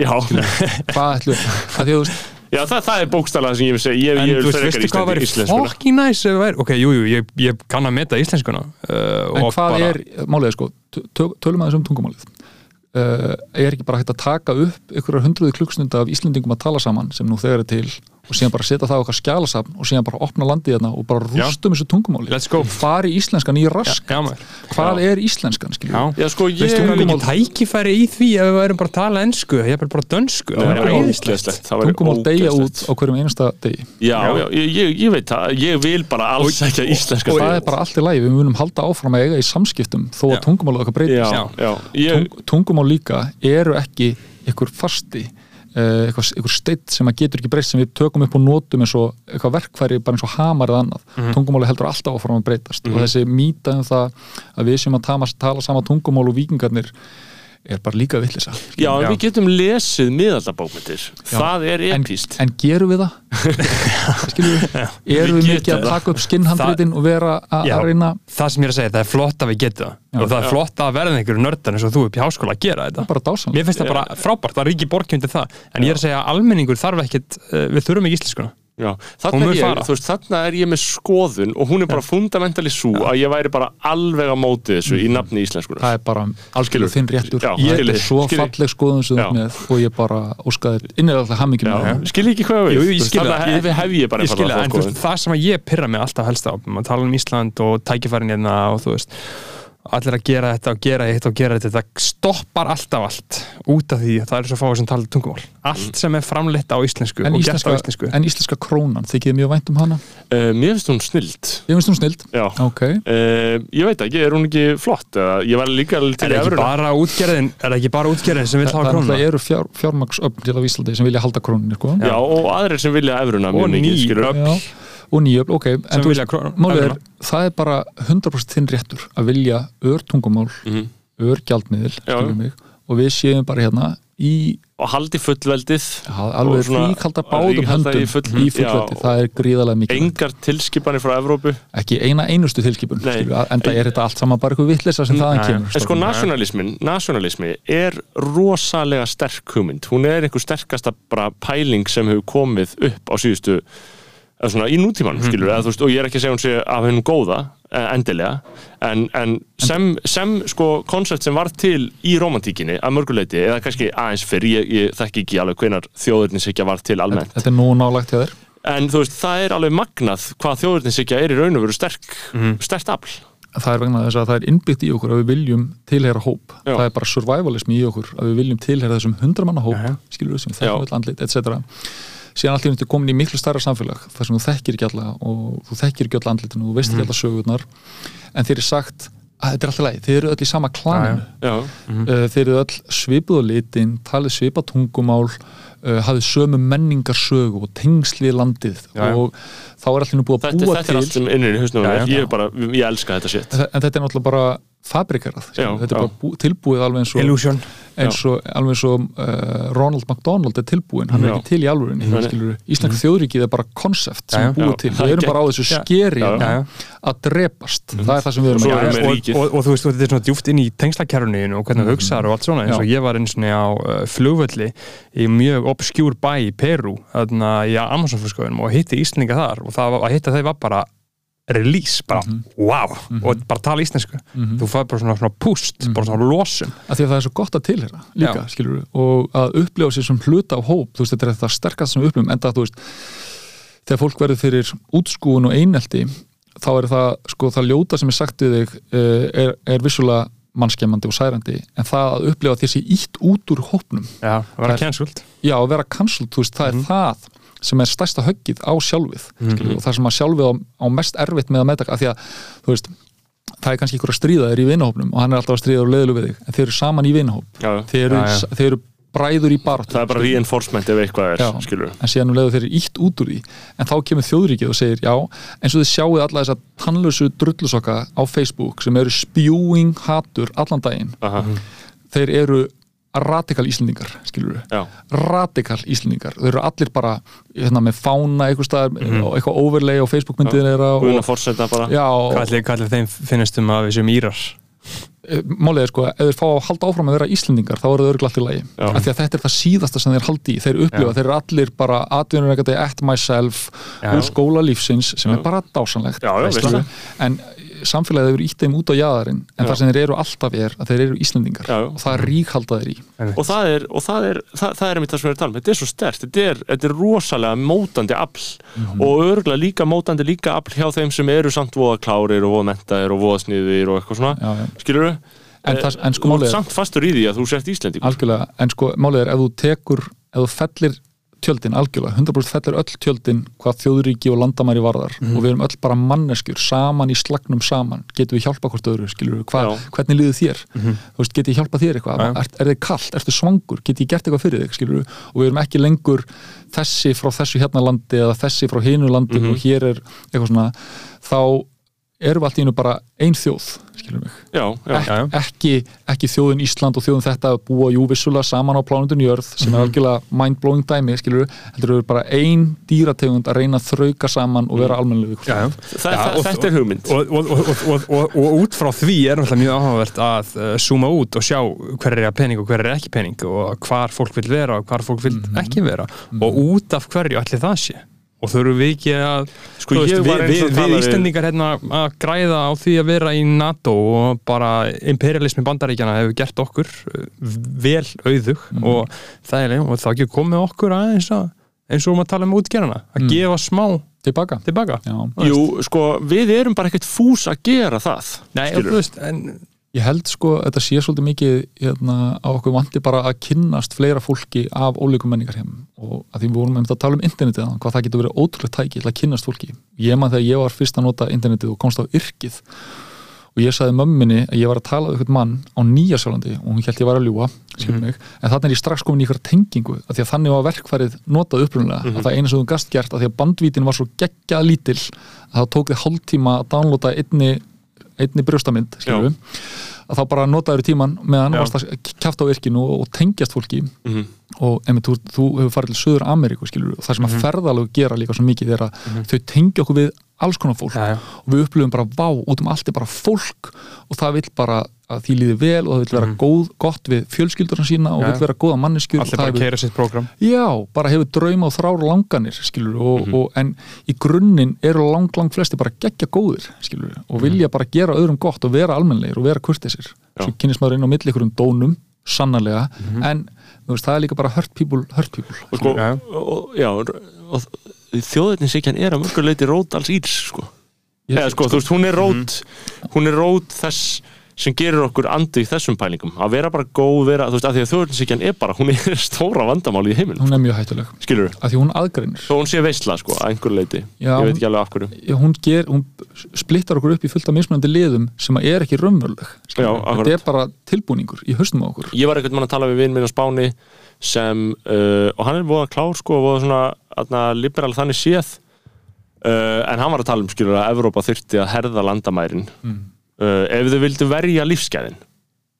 Einmitt. Uh, ég held að til nóg fyrir alla. hverjum á að vísa út? Ég ve- veit ekki alveg sko, ég á eftir að að ég, við eigum nóga landi það er hægt að búa til nóga mat. Þessi miskilningu með offjölgun og skort á mat við erum að henda sko ég hef séð eitthvað tölur 30-40% af öllum mat sem er framöndur Já. endi í ruslahugum já, þannig að ég held að sé alveg nóg fyrir alla. Já, ég held að vandamáli sé bara að það hefur eitthvað logið að vinniðinum hann hefur vaknað einhver daginn Já, já. og einhver hefur sett líi inn í eiraðum skilur, eða bara einhvern miskilning uh, og, og hann er allur sprottin upp úr þessu sama og við vorum að ræða sem er bara óttin, skilur óttin við það óþekta hvað gerist ef að hinga, hér fyllist allt það gerist ekki neitt slæmt, skilur mig. Nei. að verða einhverju Það vaxt, breytist. að verða einhverju vakstaverkir en samfélagi verður bara ríkara Já. og falleira og fjölmennar Já. og, og skemmtilegra. Það er alltaf að fara að breytast. Alltaf og við þurfum að fórna uh, íslenskunni hvað sem við þurfum að gera. Ég meina einsta eðli alheimsins er það að allt breytist. Mér finnst mér finnst, þú veist að því við erum að tala um skoðanir, bara einlega skoðanir mér finnst íslenskan eiginlega ofar öllu. Bara það að þetta tungumál sem tala Þú ég að segja íslenska Uber alles. Uber alles, já, það væri mjög vel orðað. Ég hugsa bara um, svolítið vel utan um ég hugsa bara um íslenskuna í því samengi að djöfull væri epíst ef að allt þetta dót sem að væri á íslensku væri líka á ennsku mm einmitt. Já, tækifærin Mhm. og möguleikanir sögurnar sem getur verið að segja. Já, Já. möguleikanir ég hugsa bara um áferð orðana og hvernig þið hljóma í haustum á mér. En Já, ok, ég hugsa ekki svo leis gerum þig bara að tungumálar á þeirra já, í lottóræðinu okkar og bara þegar hérna koma skólast inn miljónir einstaklinga í leita betra lífi mhm, geggja til í að byggja upp land og þjóð já. þá segir þú bara, jæja krakka mínir nú setjast þetta niður, eða að fá setjast þetta þá þurfum við að, við erum öll að tala mismöndum tungumál nú þurfum við öll að tala íslensku. Aha. það er eina krítarjan þið með Já. vera eins flippuðu viljið um mitt, eins mikið og lítið andlitshár og skrýtnar Já. blæjur og hvað sem þið viljið bara please nenni að tala íslensku þurfum að reyna að tala íslensku já, Já, einmitt. ég veit ekki hvernig það gengi ég veit ekki hvernig það myndi ganga það, það gengur mjög illa að fá innflytjendur og aðflutta til þess að sjá ástæðu til að ta- læra íslensku núna Já, en sjáðu síðan Ég hvað skil það. gerist það sem gerist er að önnur kynnslóð innflytjenda sem Já. að núna er sko komin upp í þú veist, að, að þessari stóru uh, uh, hólskeflu sem komingað Mhm. Uh, önnur kynnslóð er að komast upp í mentaskóla og Já. byrja í háskóla og þetta er fólk sem talar íslensku. Það er Jú, geggjað. það tala sitt móðurmálina gæsala eða fyrsta tungumál inn á heimilinu já, en bara alveg eins og allir innflytjendur í bandaríkjunum langflestir skilju, uh, töluðu sitt móðumál inn á heimilinu þá tala þeir uh, þjóðtunguna ef við viljum fara í, í þína átt Mhm. út í samfélaginu því að það er, það er tungumál sem Já. samfélagi krefuð um þannig að hugsanlega er þetta ekki vandamál? Er þetta ekki, nei, og ég, ég, ég, ég, ég, ég, ég sko held ég ekki fram að þetta er vandamál. Ég, ég segi bara við þurfum að hugsa út í þetta við erum að leiða hugan að þessu. Einmitt. bara með þessum fyrirvara. Með þessum nöðsynlega fyrirvara, finnst mér sko. Algjörlega. Uh, Ég held að við við séum við erum búin að búinir að fara yfir erst þú búin að koma allir frá þér? Eða, þú veist, ég meina, er eitthvað, er eitthvað er ég ekki farin að endur taka mig? Jú, erum við farin að endur taka okkur? Nei, ég veit það ekki sko. Nei, nei, ég- sko uh, alls konar hugmyndir Þetta eru uh, flóknir tímar sem við lifum á. Já. Skáldsagan lifir, skáldsagan lifir. Já, alveg rétt, ég var að gefa út skáldsögu sem sagt. Já, Arnaldur Hún er Ég hérna, mæli með henni. Höfðu þið gaman að henni? ég- Já, Mér ég finnst mæli það með henni. stórskemmtileg, Var- er hún ekki hérna á borðinu? Jú, Uh, hún liggur hérna. Ég mæli með henni, Uh, ég hafði mjög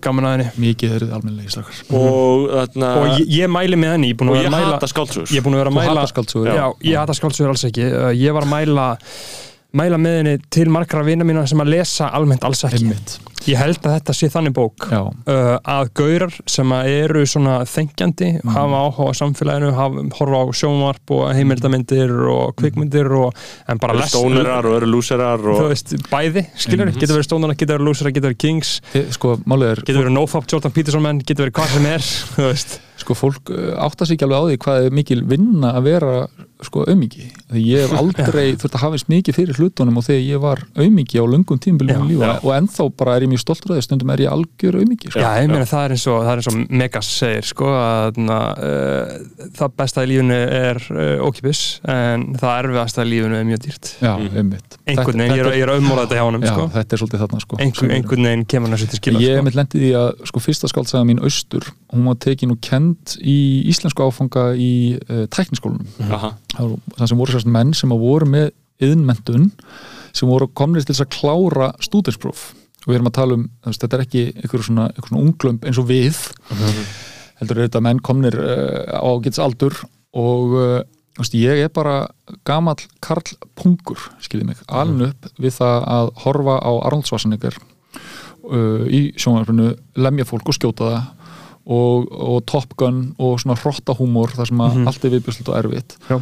og það er það sem ég hafði mest gaman á í esku, ég held að það skili sér svolítið í kannski mínum skrifum þegar ég er að skrifa fiksjón og þeir höfðu óbúslega gaman að þessu. Já. þessir píparar og, og rafvirkjar og Ég hef eftir að lesa Austur, ég hef mjög góða hlutum hann og ég er Já, spenntur að lesa ég las hana sko eftir ah, Arnaldur Indriða. Já, og ég hafði líka mjög gaman henni. Það var einmitt þessar svona grotesk eh, lýsingar. Mhm. og hún er mjög Verða að nauka einhverjum í einhverjum báti eða eitthvað ég.